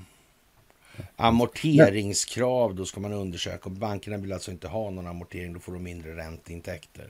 Ja, Ja, det är ju som Leonard skriver här när han delar denna. Nu måste man läsa mellan raderna. Mm. Vill bankerna ha amortering? Nej, de vill ha skuldslavar. Mm. Med andra ord, de vill inte att man dödar skulden. Amor Nej. dö amortera skulden. Det Ja. är döda skulden. mm. Det vill de inte. ja. De ha skuldslavar. Okända hot mot kungafamiljen. Säkerhetsläget höjts i hela landet och det som tvingas leva med hot varje dag är våra kungligheter då alltså. Mm. Ja, jag vet inte. De vill inte berätta några detaljer och så vidare. Men extra pengar i anslaget talar sitt tydliga språk. Ja, på ett eller annat sätt talar de där extra pengarna i anslaget sitt tydliga språk. Det är alldeles, alldeles säkert alltså. Det är helt korrekt. Mm. Faktiskt, det är det. Jaha, och, och, och, kritik mot det svenska stödet. Vi kan ge enormt mycket, men jag vet inte riktigt om det är värt att prata om det där så mycket mer. nej, man kan bara... Nej, det är liksom bara optiken. Jag, jag kan mm. inte klaga på optiken. Svenska folket jublar säkert, men det, det var lite intressant här faktiskt. Vi är ju lite dåliga där tycker Billström då med vår Ukraina-support. Så står, det så, ja, så står det så här. Sverige hamnar då på plats 14 i förhållande, ja, I förhållande till BNP, i topp på listan ligger Litauen, Estland, Norge, Danmark och Lettland. Och det enda jag har så här, det låter som Wallenbergland Eller? Ja, alltså det vill inte vara så alltså, men... men jo, det ja, ja, ja, ja, jag, jag, håller, jag håller med. Försök inte göra det bättre än vad du är. Ja. ja men det ja, vad ska vi säga, optiken går inte av för hacken alltså. Nej men eller hur alltså. Mm. Mm. Nej till språkprav för permanent uppehållstillstånd. Mm. Den kom mm. fint idag med hon, Med, med samtalet ja. Ja, visst absolut. Och jag menar, kom igen nu. Vad är ett samhälle? Utan om, samtal. Om, om, Ja, om, dess befolkning, om dess befolkning inte kan prata med varandra. Om, de, om befolkningen inte pratar samma språk, vad får du för samhälle då? Då får du ett samhälle som Sverige där det finns ett kanslisvenska och ett rikssvenska. Mm. Med vilket syfte har vem eller vilken part gjort vad i det här? Hur kan det vara? Mm. Är det här jättesvårt eller? Ja, om man inte vet något och inte tittar in på det. Men så fort man gör det så mm. nej, då är det fan inte skitsvårt. Jag tycker nej. det. Ja, men jag kommer ihåg en idag för ett gäng år sedan när du började bubbla om språkvård och Erik Wilander. Jag har aldrig tänkt på det innan. Man tog reda på det. Fan, man kände bara small i skallen på en. Mm.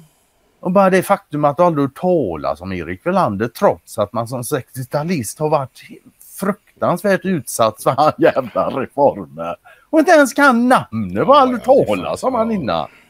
Vilken oj, jävla oj, oj, sinnessjuk konstruktion alltså. Ja, det har ju funnits en hel del sådana här Ja, ja, ja. Han, är, han är ju inte ens... Han har ju nej, varit nej, nej, nej, jag, jag har aldrig hört han blivit ifrågasatt av någon annan än dig ja, och mig. Ja, Mer eller mindre. Det där är helt otroligt alltså. Ja, det där är fan makalöst. Det, det, har, det har nog pågått en Jag har varit med ett själv, nämligen sådana skolprojekt, alltså sådana här... Mm. Ja, exper, experimentgrejer alltså sådär så att... Äh, ja. Mm. Där... Ja, där har det fan experimenterat och mätts och vägts och... Ja, ja, ja, ja, uh. ja, ja, ja, ja. Där kan vi snacka om kognitiv formatering, mm. sociala ingenjörskonster och... Liksom, ja. ja, visst. Ja. Mm. Ja, jag vet inte faktiskt. Det där är...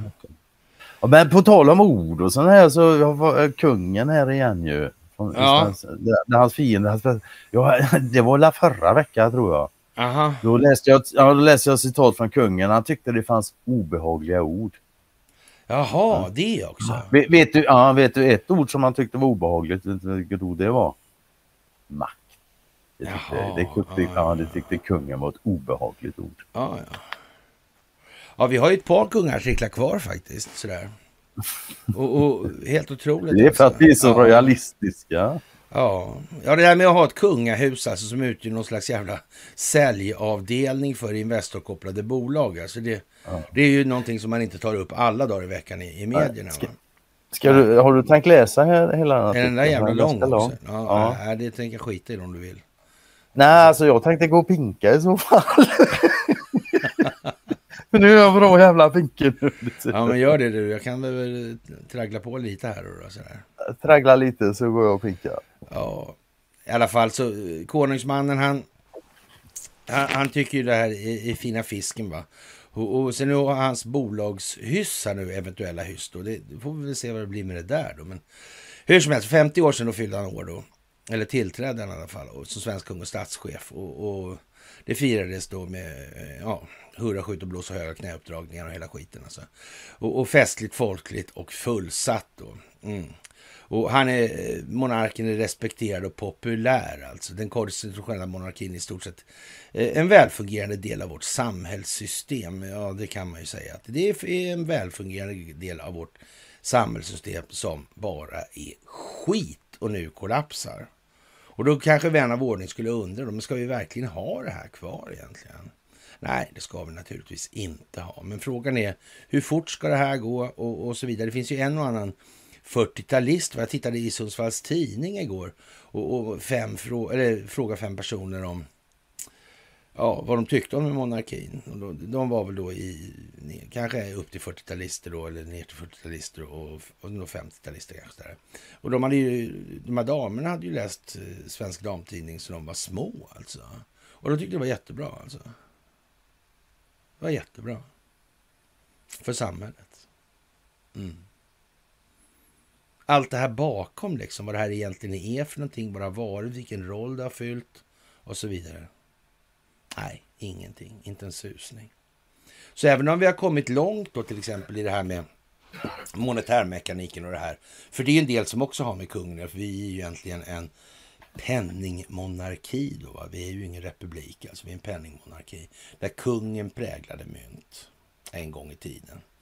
Och Ja, och, Karl den 16 Gustav alltså har dessutom verkat både hyggligt, bekväm och tillfreds med allting. Och det, det är klart, det blir alla arga på det då. Och som sagt, respekterad och populär. Mm, för vad liksom? Ja, det beror ju på hur mycket man förstår av det här såklart alltså. Och, och ja, stora och mindre händelser kopplade till den svenska monarkin följer så länge en sedan länge fastställd liturgi. Entusiasterna är entusiastiska och majoriteten nickar i huvudsak uppskattande och republikanerna gnisslar tänder. Och, och, det här är ju en lång drapa som egentligen inte innehåller någonting utan är mer liksom, de kommer ju mäta klick på den här och se var, var står vi någonstans. Och där är det ju liksom så här att eh, en annan vanlig klagan på eh, Parnassen är att medierna uppträder underdånigt för kungen och kungahuset. Detta tema är gammalt och finner inte sällan sin styrka i det av Sveriges kändaste republikan Vilhelm Mobergs argumentation, ska det väl stå då, men skitsamma. Ja, eh, därför är i Därför är republikan från 55 framför Moberg tre argument för republik där det tredje och för honom viktigaste är vad monarkin gör med medborgarna. I en monarki uppkommer alltid en anda av undersåtlighet som, är, eller som icke är fria medborgare värdig. Kring konungen med Guds nåd och hans anförvanter har i alla tider uppblommat en rik flora av servilitet och inställsamhet, Fan, kryperi och all, all, allsköns fjäsk. Ja, alltså man får väl säga, har man inte fattat att det är det som det där är till för? Jag menar, om konungsmannen då skulle stå på egna meriter fysiskt eller intellektuellt, då är jag säker på att eh, det skulle vara något glesare befolkat vid hovet. För att uttrycka mig lite ja. återhållsamt alltså. Ja, men det, det, det är ju som jätteenkelt alltså hur, den här överhetsskyggheten vi har. Jag brukar, jag brukade förr om åren ta den här liknelsen liksom med statsministern och Göran Persson. Men om, jag kan ta mig själv och, och, och Göran Persson och så tar, är det 500 man stående på fotbollsplan. Ja, och, och, ja, så får vi väl gå ut där. Det är helt nya förutsättningar allting och så vidare. Och, och, nu gäller det liksom vem som drar ihop folk för att göra någonting hit och dit. Mm. mm. Ja, så blir det inte Göran Persson. Det blir liksom ingen diskussion ens. Det är, det är bara liksom så. kört bara. Ja, det, det är faktiskt ja. så. Och sen, sen också, nej men just när, när det gäller liksom kungligheter så är det någon som på allvar tror att hela det här systemet med kungar och sånt är infört för att det ska råda jämlikhet. Nej men alltså det är tror, ju jättekonstigt. Är, är, det, är det någon som att man ens behöver skriva liksom att, att, att, att, kungar per automatik innebär underdånighet? Mot, ja, de är regenter. underståtar har de då alltså. Undersåtar, ja. Ja, undersåtar. Ja. Mm. Jo men alltså, vad, vad, det här, den här diskussionen vi hade om samtalet där som vi läste upp. Ja. Alltså, ja. Vilken roll spelar kungen i, i, i det? I samtalet ja. I, i samtalet. Mm. Vad, vad är mm. hans roll?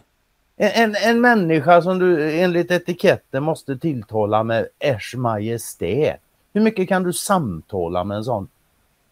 Ja, han, är, han, han är alltså först och främst ett, ett majestät framför en människa. Ja, det är helt hjärndött alltså.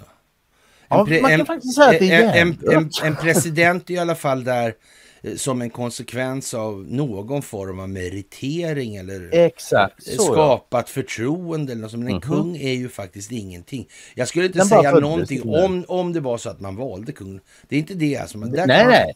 Det har jag varit inne på förut. Du kan man... kalla liksom den positionen vad du vill. Det är inte det det handlar om. Ja, men att födas in till det. Jag har men... sagt det förut, jag säger det igen. Släpp dem fria. Ja, exakt alltså. Släpp de stackars människorna fria för fan så de ja. får leva sina liv. Ja. Fjättrade i, i gyllene bojor. Mm. Jag är inte avundsjuk. Den mediala granskningen av monarkin alltså, den är inte särskilt bra alltså.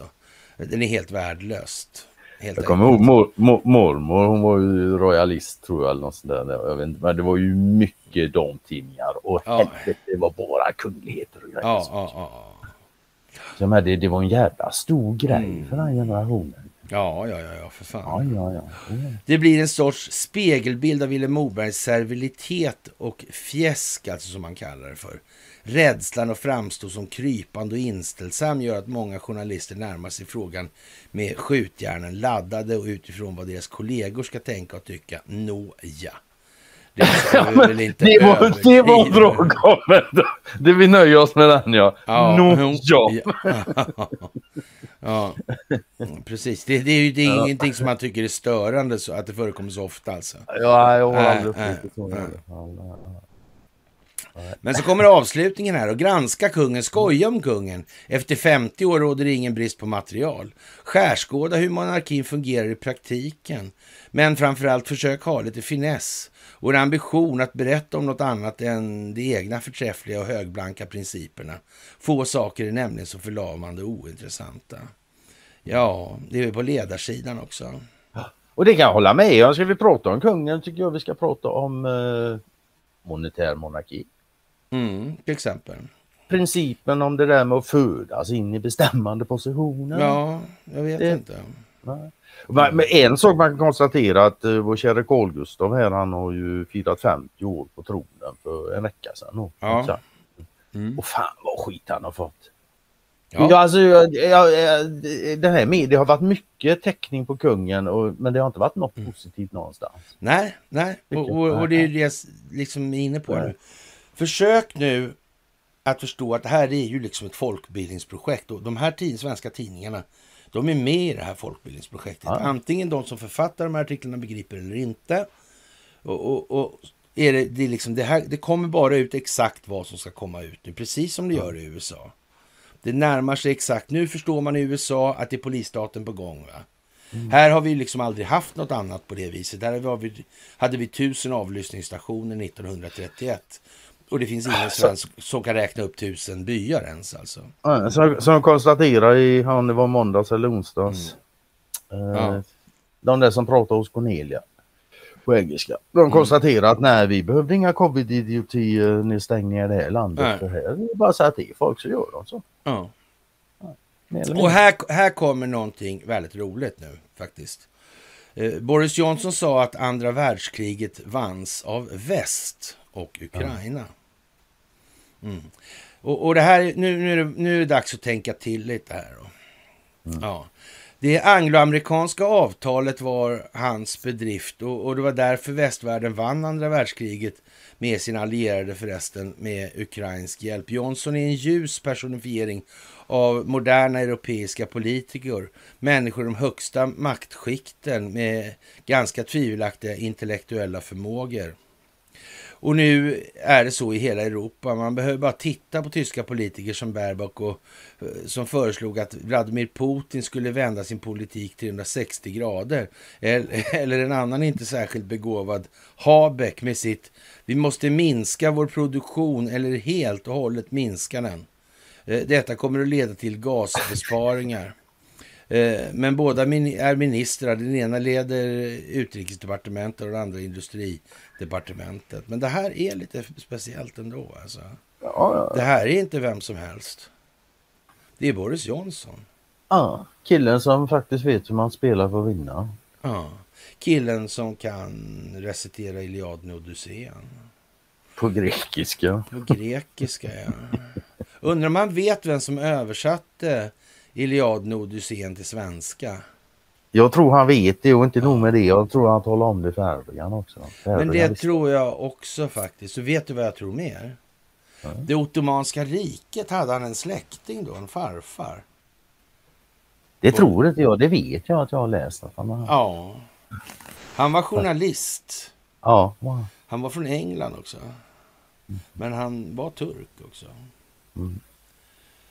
Undrar om han visste någonting om Ottomanska riket. Undrar om han visste något om en, en, en svensk som inte var svensk utan turk. Som blev turk? Gustav, ja, Gustav Oskar Wallenberg.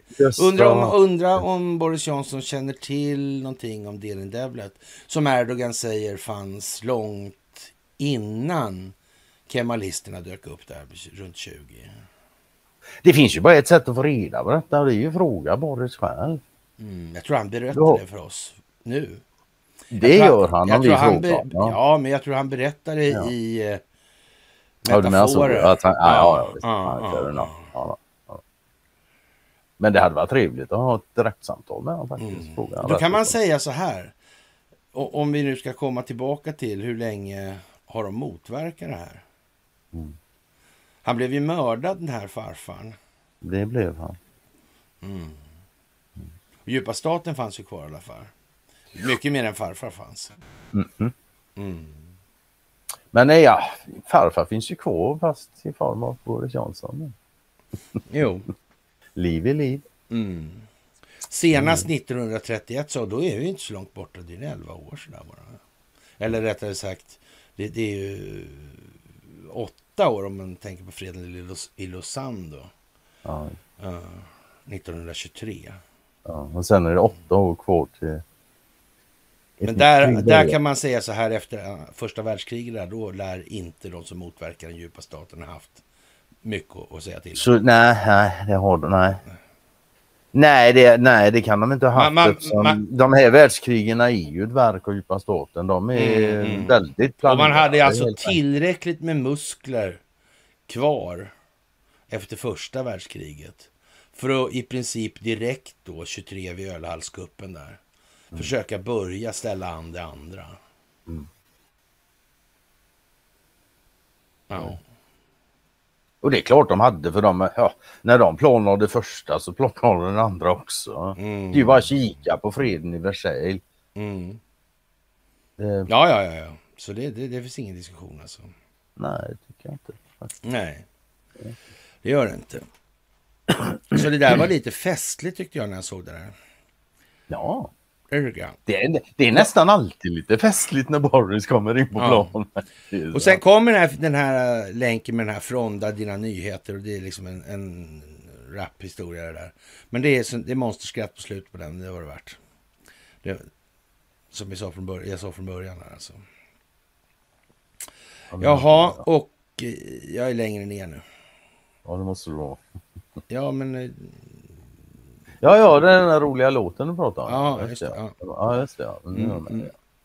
Och, Fronda eh, dina nyheter på Youtube. Ja, ja. Jag, jag kollade faktiskt. Eh, och eh, ja, Indien har avbrutit att ta emot visumansökningar i Kanada. Det tillkännagavs mm. av visumtjänstleverantören BLS International med en länk till ett meddelande från den indiska beskickningen. Ja. Ja. ja, Indien och Kanada har hållit på ett tag nu och bråkat mm. Mm. Och jag vet inte, Indien är, ja, det är inte läge att bli ovän med Indien just nu faktiskt. Nej. Det Det finns bättre länder. att Fan vad sugen jag blev på indisk mat nu helt plötsligt. Alltså. Se där ja. Ja, faktiskt. Då får du äta det sen. Det är ju fredag. Fredagsmys. Ja, precis ja. Mm. Mm. Jag blir älgkött igen alltså. ja, Ja. börjar växa ut horn på mig snart alltså. Ja, det är konstigt att inte ha gjort det tidigare. Jaha, du, men du tog upp det där med att eh, Ninisse var orolig för det där med det, det man kom där, alltså fina saker vårdar. Det var den du tänkte på? Ja, just det. Ja, ja, ja. just det. Mm. Ja, Och, och tre, tre fjärdedelar av amerikanerna tror att nationen blir en polisstat nu. Och det, då, då är det så att de hajade. Och sen kommer ju Mats Rimdal av alla jävlar. Alltså. Ja, Tänkte, men helvete alltså. Det kom Då kan man säga att det är mycket som kan komma upp i, i luften. Jag jobbade då på någonting som heter Bas och rekrytskolan, Bergalaskolan då. Och, och det var i, ba, i ba, basbataljonen på den tiden. Ga- ja, i, I övergången från då invasionsförsvar till ja, vad du nu vad man ska kalla det där för sen. Ja, och, och, och Rim, Rimdal, han jobbade också där lite tidigare då. Men, och, och alla officerare där de jobbade extra på och körde så här värdetransporter. Det är samma värdetransportföretag som han rånade då. då. Så, där, så det var ju rena jävla lekstugan alltihopa. Det var ju så jävla dumt så det liknade ingenting. Vanlig svensk standard eller? Ja, ja, ja, ja, ja fast Ja, ja, historisk svensk Ja. standard kanske vi ska säga. Och, och, och det var inte utan att man... Och, de, och polisen tränar ju då skytte då på Berga Öroskolor. Så man, man fick vara skjutinstruktör åt poliser och sådär. Liksom, ja, ja, vissa av oss fick ju det. ja, Inte alla. Nej, men sådär alltså. Ja, Jag fick inte det, det kan jag säga. Jävla dumt alltså alltihopa liksom. Och där var rim. Ja, alltså, ja, och ingen kände någon annan liksom. Man bara, man bara vad fan liksom. Mm. Ja.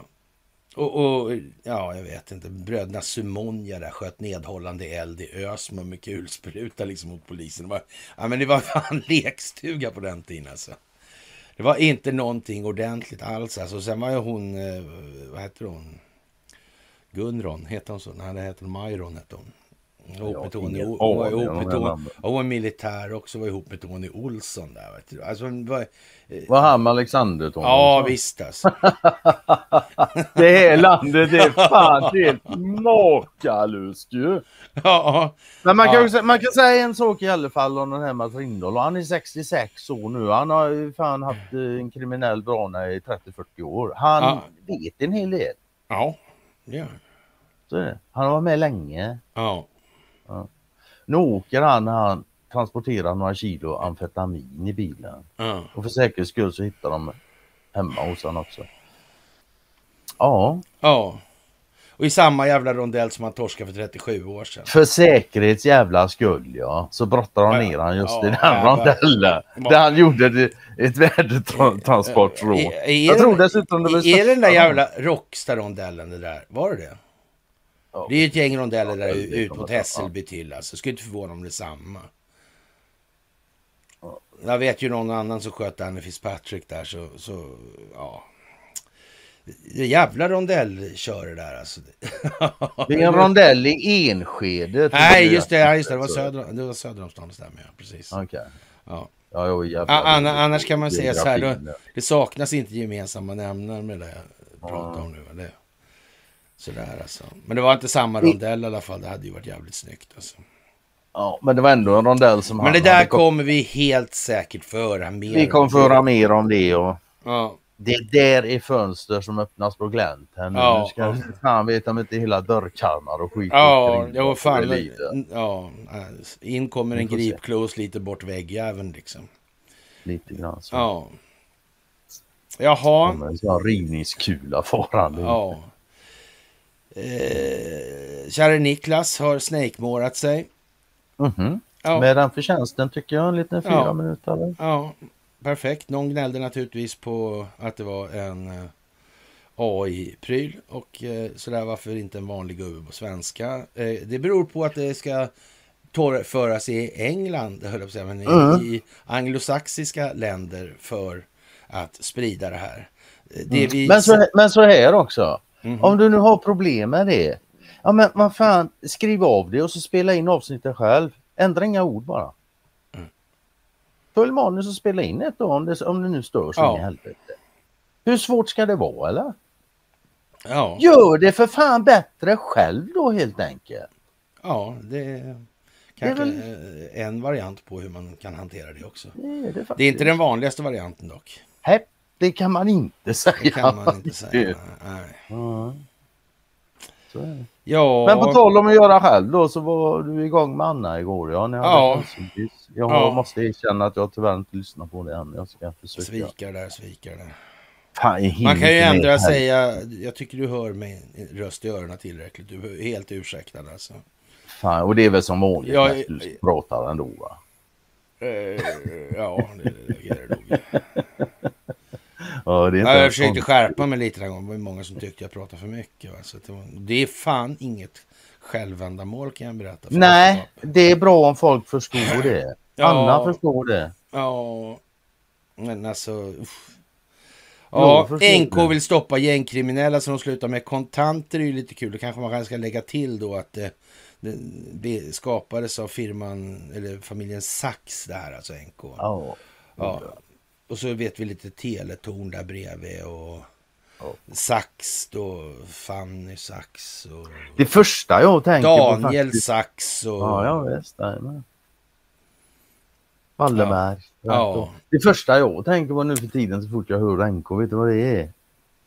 Det är Sean of Iran. Så att Ja, ja, ja, ja, ja. Det är det första som bara poppar upp i skallen på mig varenda gång jag hör NK. Nu. Nej, ingen, alltid- ing, ingen geopolitisk signifikans alls alltså. Inte nå. Och han Sean of Iran, han som inte ens ville ha med i makten mot svenske kung. Efter han hade, eller var kanske före han fick...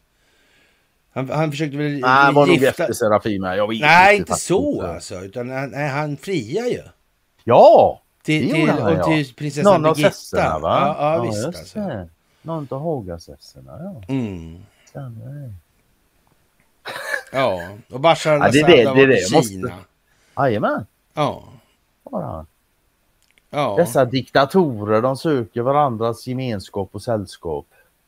Mm. Troligtvis för att samtala. Ja, Ja. vad ska man säga? Man kan väl säga att västvärlden det går så där för den här gamla hegemonin som har Ja.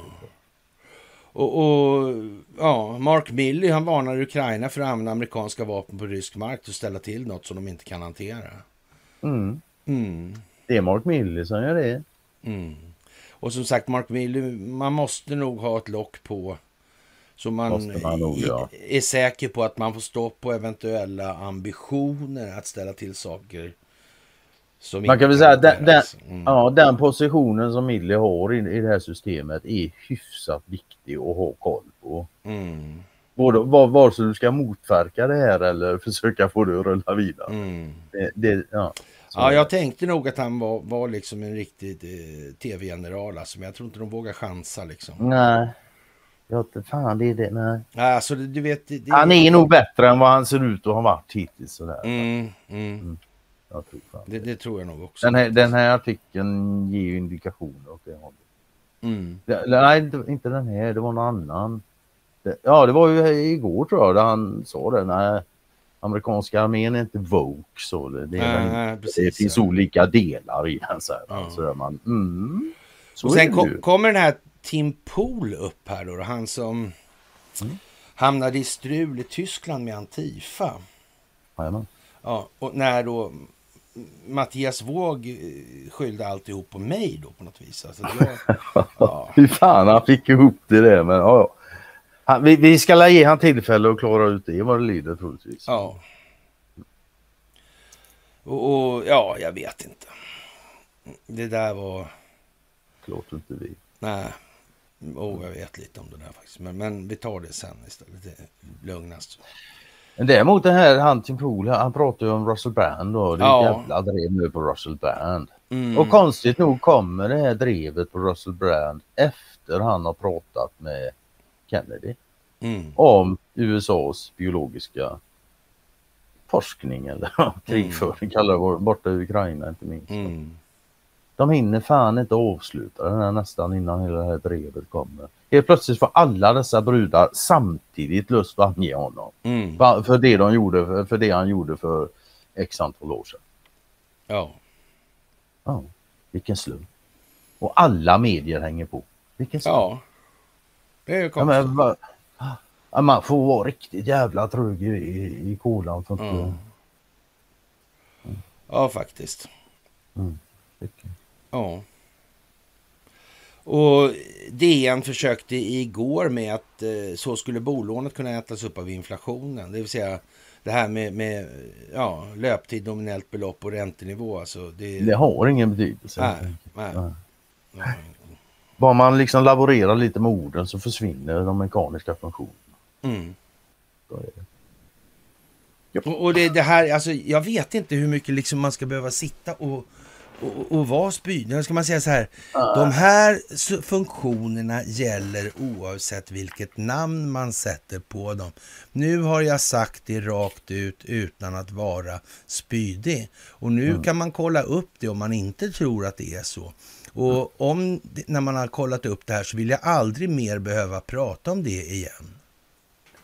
Så, men en sak man ändå ska man kan notera här nu det är ju att media skriver otroligt mycket och har gjort den här veckan om det här med pengar och pengaskap. Ja, ja, ja, ja. Jävlar det går i ett alltså. Men nu har vi suttit här i flera år och sagt att det här Ja är vi behöver inte ta det längre och jag Nej, tror inte nej. de som lyssnar och tittar på oss behöver ta det Och ni som inte här. tar det här längre nu i er upplysning. Nu är ni så vänliga. Och Då går ni och tittar på en föreläsning. Ja, det kan ni sätta er och göra Ja. hemma. Alltså, så. Och Ja, så kan ni tänka vad som. Mm. sägs där. Och, och så vidare. Det finns med mat material, så det, material så det räcker och blir över i det sammanhanget. Så krävs det faktiskt att man tänker. Och är, är det riktigt illa så kan man samtala med någon som förstår det där. Och, och det, Ja, grejen är väl också, jag, jag, anser nog att de här artiklarna de är till för att starta samtal i din vänkrets. ja, I våra sociala nätverk, eh, Mm. inte de här digitala.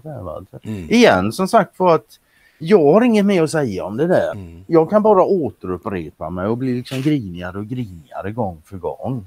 Mm. När jag ska behöva prata om det där hjärndöda eländet. Ja. Men däremot så är de här artiklarna väldigt bra kanske att ta då med sina nära och kära och vänner och bekanta Mm. som inte är... Nu, nu har ni fan något att utgå ifrån med samtal Mm. med logiska resonemang om det här. ja. Så, ja. Jag la upp en bild på Tom Clancy fick jag upp i flödet faktiskt när han var på Ticonderoga. Ja. Klass. Det såg jag allt. Ja. Lite speciellt alltså, dök upp i flödet sådär alltså. Mm. Bara Så, så. I sådana här tider. kan det gå. Mm. Får jag nog ändå säga alltså. Någon som vill säga något kanske. Jag vet inte. Jag vet. Ja. Och Riksbanken höjer alltså räntan. Ja det är klart han gör. Mm. Men Fed gjorde inte det. Nej, Nej. det gjorde de inte. det gjorde de inte. De kanske som sagt, jag har det. Men, men jag, jag la in en kommentar. Det var ju faktiskt från förra året. Aftonbladets chatt där eh, med Mm. Stefan Ingves. Där. Då- Då får han den här frågan. Kanske en dum fråga som ställs i fel forum. Men påverkar styrräntan även privatlån? Och då svarar Ingves så här. Och det är ett år sedan alltså. Sannolikt ja, men det beror helt och hållet på vad långivare och låntagare blir överens om. För det mesta sneglar man nog på den allmänna räntenivån. Ding dong, ding dong, klocka, klocka. Ja. Det, Ja, Ja, det känns i alla fall som att nu är det dags för lite public shaming även här i Sverige alltså. Det börjar bli lite väl jönsigt alltså. Och kungen verkar ju inte ligga han ligger, Sist han i kön. Nej, men han, han ligger lite i täten här. Så, ja, Ja, det, det får man nog fan säga. faktiskt alltså. Mm, mm. Mm. Det får vi se. Ja, och så har vi det här med kungens pengaproblem då. Och det här, men han har ju fått mer pengar och det är ju lite olika det här. Och Faktiskt. Och eh, kungens bolag går dåligt alltså. Och eh, jag kommer osökt att tänka på Walter och Sibylla här alltså. Och då menar jag Walter Sommerlacht och Sibylla av Saxen Coburg Gåta faktiskt. Och Ja, vad kan möjligen komma av det här skrev jag då det var innan det här sista dygnets drev började här. Aha, Och han är ju gift med en joker och allt får man säga är lite jokeraktig. Och förvisso har ju drottningen haft några kosmetiska ingrepp som gör att hon ganska lik den här eh, figuren också. Så, men det, det, kan, det, det, har jag inte skrivit då, jag bara sa det för någon har påpekat att det förmodligen det jag menar. Det var inte riktigt det i alla fall, för då hade jag skrivit om det var bara det. Ja. Kungens bolag går i alla fall dåligt då. De står inför ekonomiska utmaningar och stora skulder. Vi försöker kontinuerligt balansera vårt långsiktiga ansvar gentemot eh, de kom kommersiella aspekterna, säger hovs ekonomichef Jan Lindman.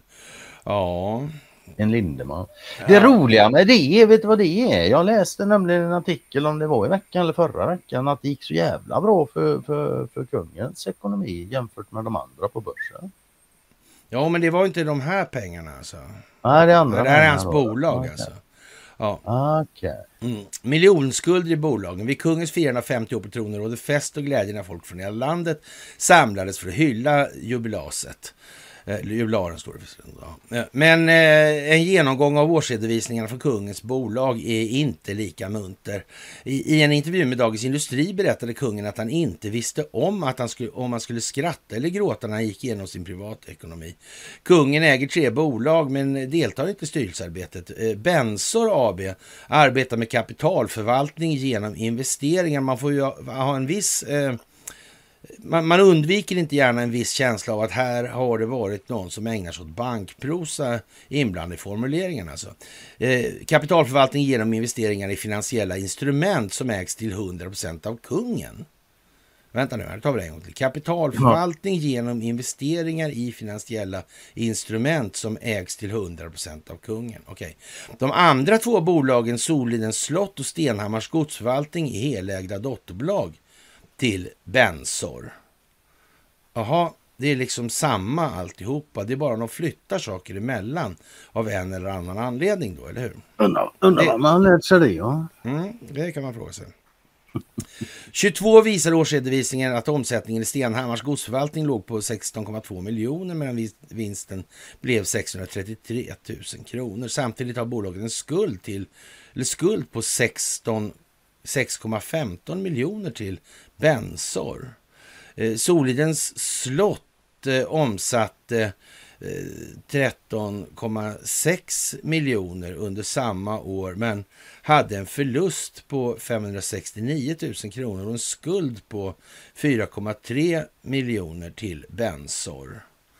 Och ägarbolaget Bensor AB som inte har någon omsättning gjorde en förlust på Eh, 8 329 kronor med de här... Eh, ja, jag vet inte. Vad konstigt alltså, de här skulderna. Vad, vad tar pengarna vägen egentligen?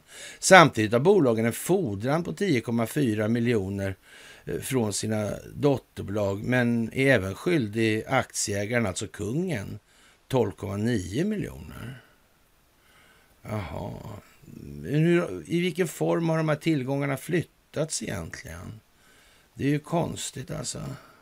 Det går hit och det går dit och det går... Ja, jag vet inte. Det, men det är märkligt det här. Så, det, Säger du det? Att det är märkligt? Ja, inte, nej, vänta. Det är inte lite, lite roligare än så faktiskt det här. Mm. Är det faktiskt. Och, och, och, här blir man lite sådär brydd då. För eh, det här liksom... Ja, det här är ju sådana otillåtna lån då. är ju någonting mm. som finns i svensk lagstiftning då sådär. Och, och det var ju inte så, det var ju inte, ja, det var inte så tillåtet. Mm. Så fick man ju inte låna tyckte åklagaren. Och, mm. Men här i, i de här sammanhangen då finns det ju liksom, det är mera tydligt då kan man säga. Faktiskt. Och man, man kan väl nästan säga att eh, Ja, Roger Akelius han fick ju inte hålla på med förbjudna lån. Det var, var i alla fall helt säkert. Det var jätteförbjudet för honom. Han var ju skatteplanerare. Det fick han ju inte göra. Och, och ja, man vet Han fick inte ens låna ut till sig själv. Ja, i alla fall inte till, till sig själv och sina egna bolag eller till sig själv från bolagen. En, en annan sak som också är ju jävla konstig och du var inne på det i början här ju när vi pratade om det där. Och det är ju det här faktum att kungen då han har åtalsimmunitet. Ska en sån människa verkligen få lov att driva företag överhuvudtaget? Ja, alltså det, det, det Han kan ju för fan hitta på vad som helst. Ja, han brukar... Det är väl det som är lite, jag tror det är någon som, jag tror det är någon som siktar. Ja, jag tror det. Ja, de måste ha siktat väl när till och med en sån trög jävel som jag börjar skönja, någonting. I bolagsstrukturerna, ja det kan man säga. Det, Mm. det är inte det första man väntar sig. Nej, Nej, faktiskt. det är faktiskt inte det. Och, och jag vet inte. Ja. ja, jag vet inte fan vad man ska säga egentligen alltså. Nej, alltså sådana här grejer. Man, folk vill läsa det och sen har de några frågor så får de ställa dem för då vet jag vad jag ska säga. Jag kan svara på frågor. Men i övrigt, jag kommentera sånt här. Vad fan, det är ju sinnessjukt på Mm. riktigt. De låtsas ju inte ens längre att det Nej. skulle vara friskt det här på något sätt. Förbjudna lån liksom. Ja, Ja, det ser du. och jag men, igen där, det här med att vara kung. Då kan du vara privatperson om du är kung? Har har du, har, är, är, du åtalbar när du är privatperson jag vet inte. som kung? Nej. det Eller gäller åtalsimmuniteten hela tiden? Ja, är man kung hela tiden? Ja, eller fan? ja. Nej, Ja, det är bara då- tjänstetidsmässigt. då kan du inte vara privat. Nej, det är klart. Nej, men han kan inte vara privat. Det är som man Ja, bara... men, ja, ni hör ju själva hur jävla bisarrt det blir när man börjar. Ja, Det är ju så jävla kokt i skit det här så det mm, det är det. Och med det sagt, Conny, Mm. så tror jag vi har hållit på i ungefär då en timme och 55 minuter. Där, ja. Mm. Annars finns ju Cornelia delade en igår här från en Charlie Robinson, någon podd. En timme Mm. lång Som precis hade upptäckt Wallenberg. Mm. Jag lyssnade faktiskt på den igår kväll, det var jävla intressant. Eh, Det här, jag har aldrig talas om den här snubben innan men han har tydligen hållit på ett tag med det här med konspirationer och allt. Och Mm. hemliga familjer och sånt där. Mm. Och han säger ju direkt eh, så här liksom, det här är fan helt otroligt sa han. Jag har hållit på med det här hur länge som helst. Jag har aldrig talas om de här. De kontrollerar ju för fan telekominfrastrukturen. Mm. Han säger det liksom. Och jag menar det där är en reaktion vi kan få förvänta oss bland alla de som håller på med sånt här som aldrig Mm. talat om Waldemar innan. Det Mm. kommer att komma och det kommer att komma. Det blir stort. Det blir stort. Ja, det, det, det, är redan, det. det är redan Ja, stort. det är redan stort. Ja. Ja. Ja. Jag menar när han, ja när en sån här snubbe hittar Wallenberg bara skriker rätt ut. Att, Och- och, och- han tar även upp deras mottor och deras Ja, ja, ja, ja, ja, ja, Ja. ja, visst, såklart. Sen så fastnar han väl på Bilderberg och sådär och bla bla och här. Det är ingen monetärmekanik och så. Nej, men, men- fine ändå va. Mm. Ja, man ser att det här börjar rulla jävlar i min låda. Mm, det gör det. Det är fantastiskt att få göra det här tillsammans med er. Det måste jag säga. Och eh, nu har väl plattformarna eh, ja, varit halvgriniga. Eller inte halvgriniga. Det är klart att om man eh, får lika många visningar som man får ökningar på antalet följare på Facebook. Liksom, man vet ju liksom att det är något som har blivit... Det är något som inte riktigt stämmer sådär va. Så, ja, Fortfarande. Ja, det, må- det, men det måste vara så. Det här måste Ja. vara liksom... Det måste vara anpassat helt enkelt. Och de mäter och mäter och mäter och mäter. Den här Jane, Jan Halper Exakt, ja, Hayes då, Mm. hon, hon analyserar... Hon har ju sagt analyserar- det rätt, rätt ut. ut, Det alltså. mäts och mäts och mäts. Ja, och hon analyserar och analyserar och så analyserar och så Ja. måste man då in med nya värden i datorerna och, och, och så måste man liksom... Det är liksom inte en fråga om det görs eller inte. Nej, nej, Nej. nej, nej. Det är ganska klart varskott att det Det görs. är så. Ja, Mm. Faktiskt. faktiskt. Ja, det största Tack tack. ska ni ha allihop. Så hörs vi senast på måndag och så önskar vi er en fantastiskt trevlig helg. Absolut. Så hörs vi senast på måndag. Ja. Okej, Ja. tja.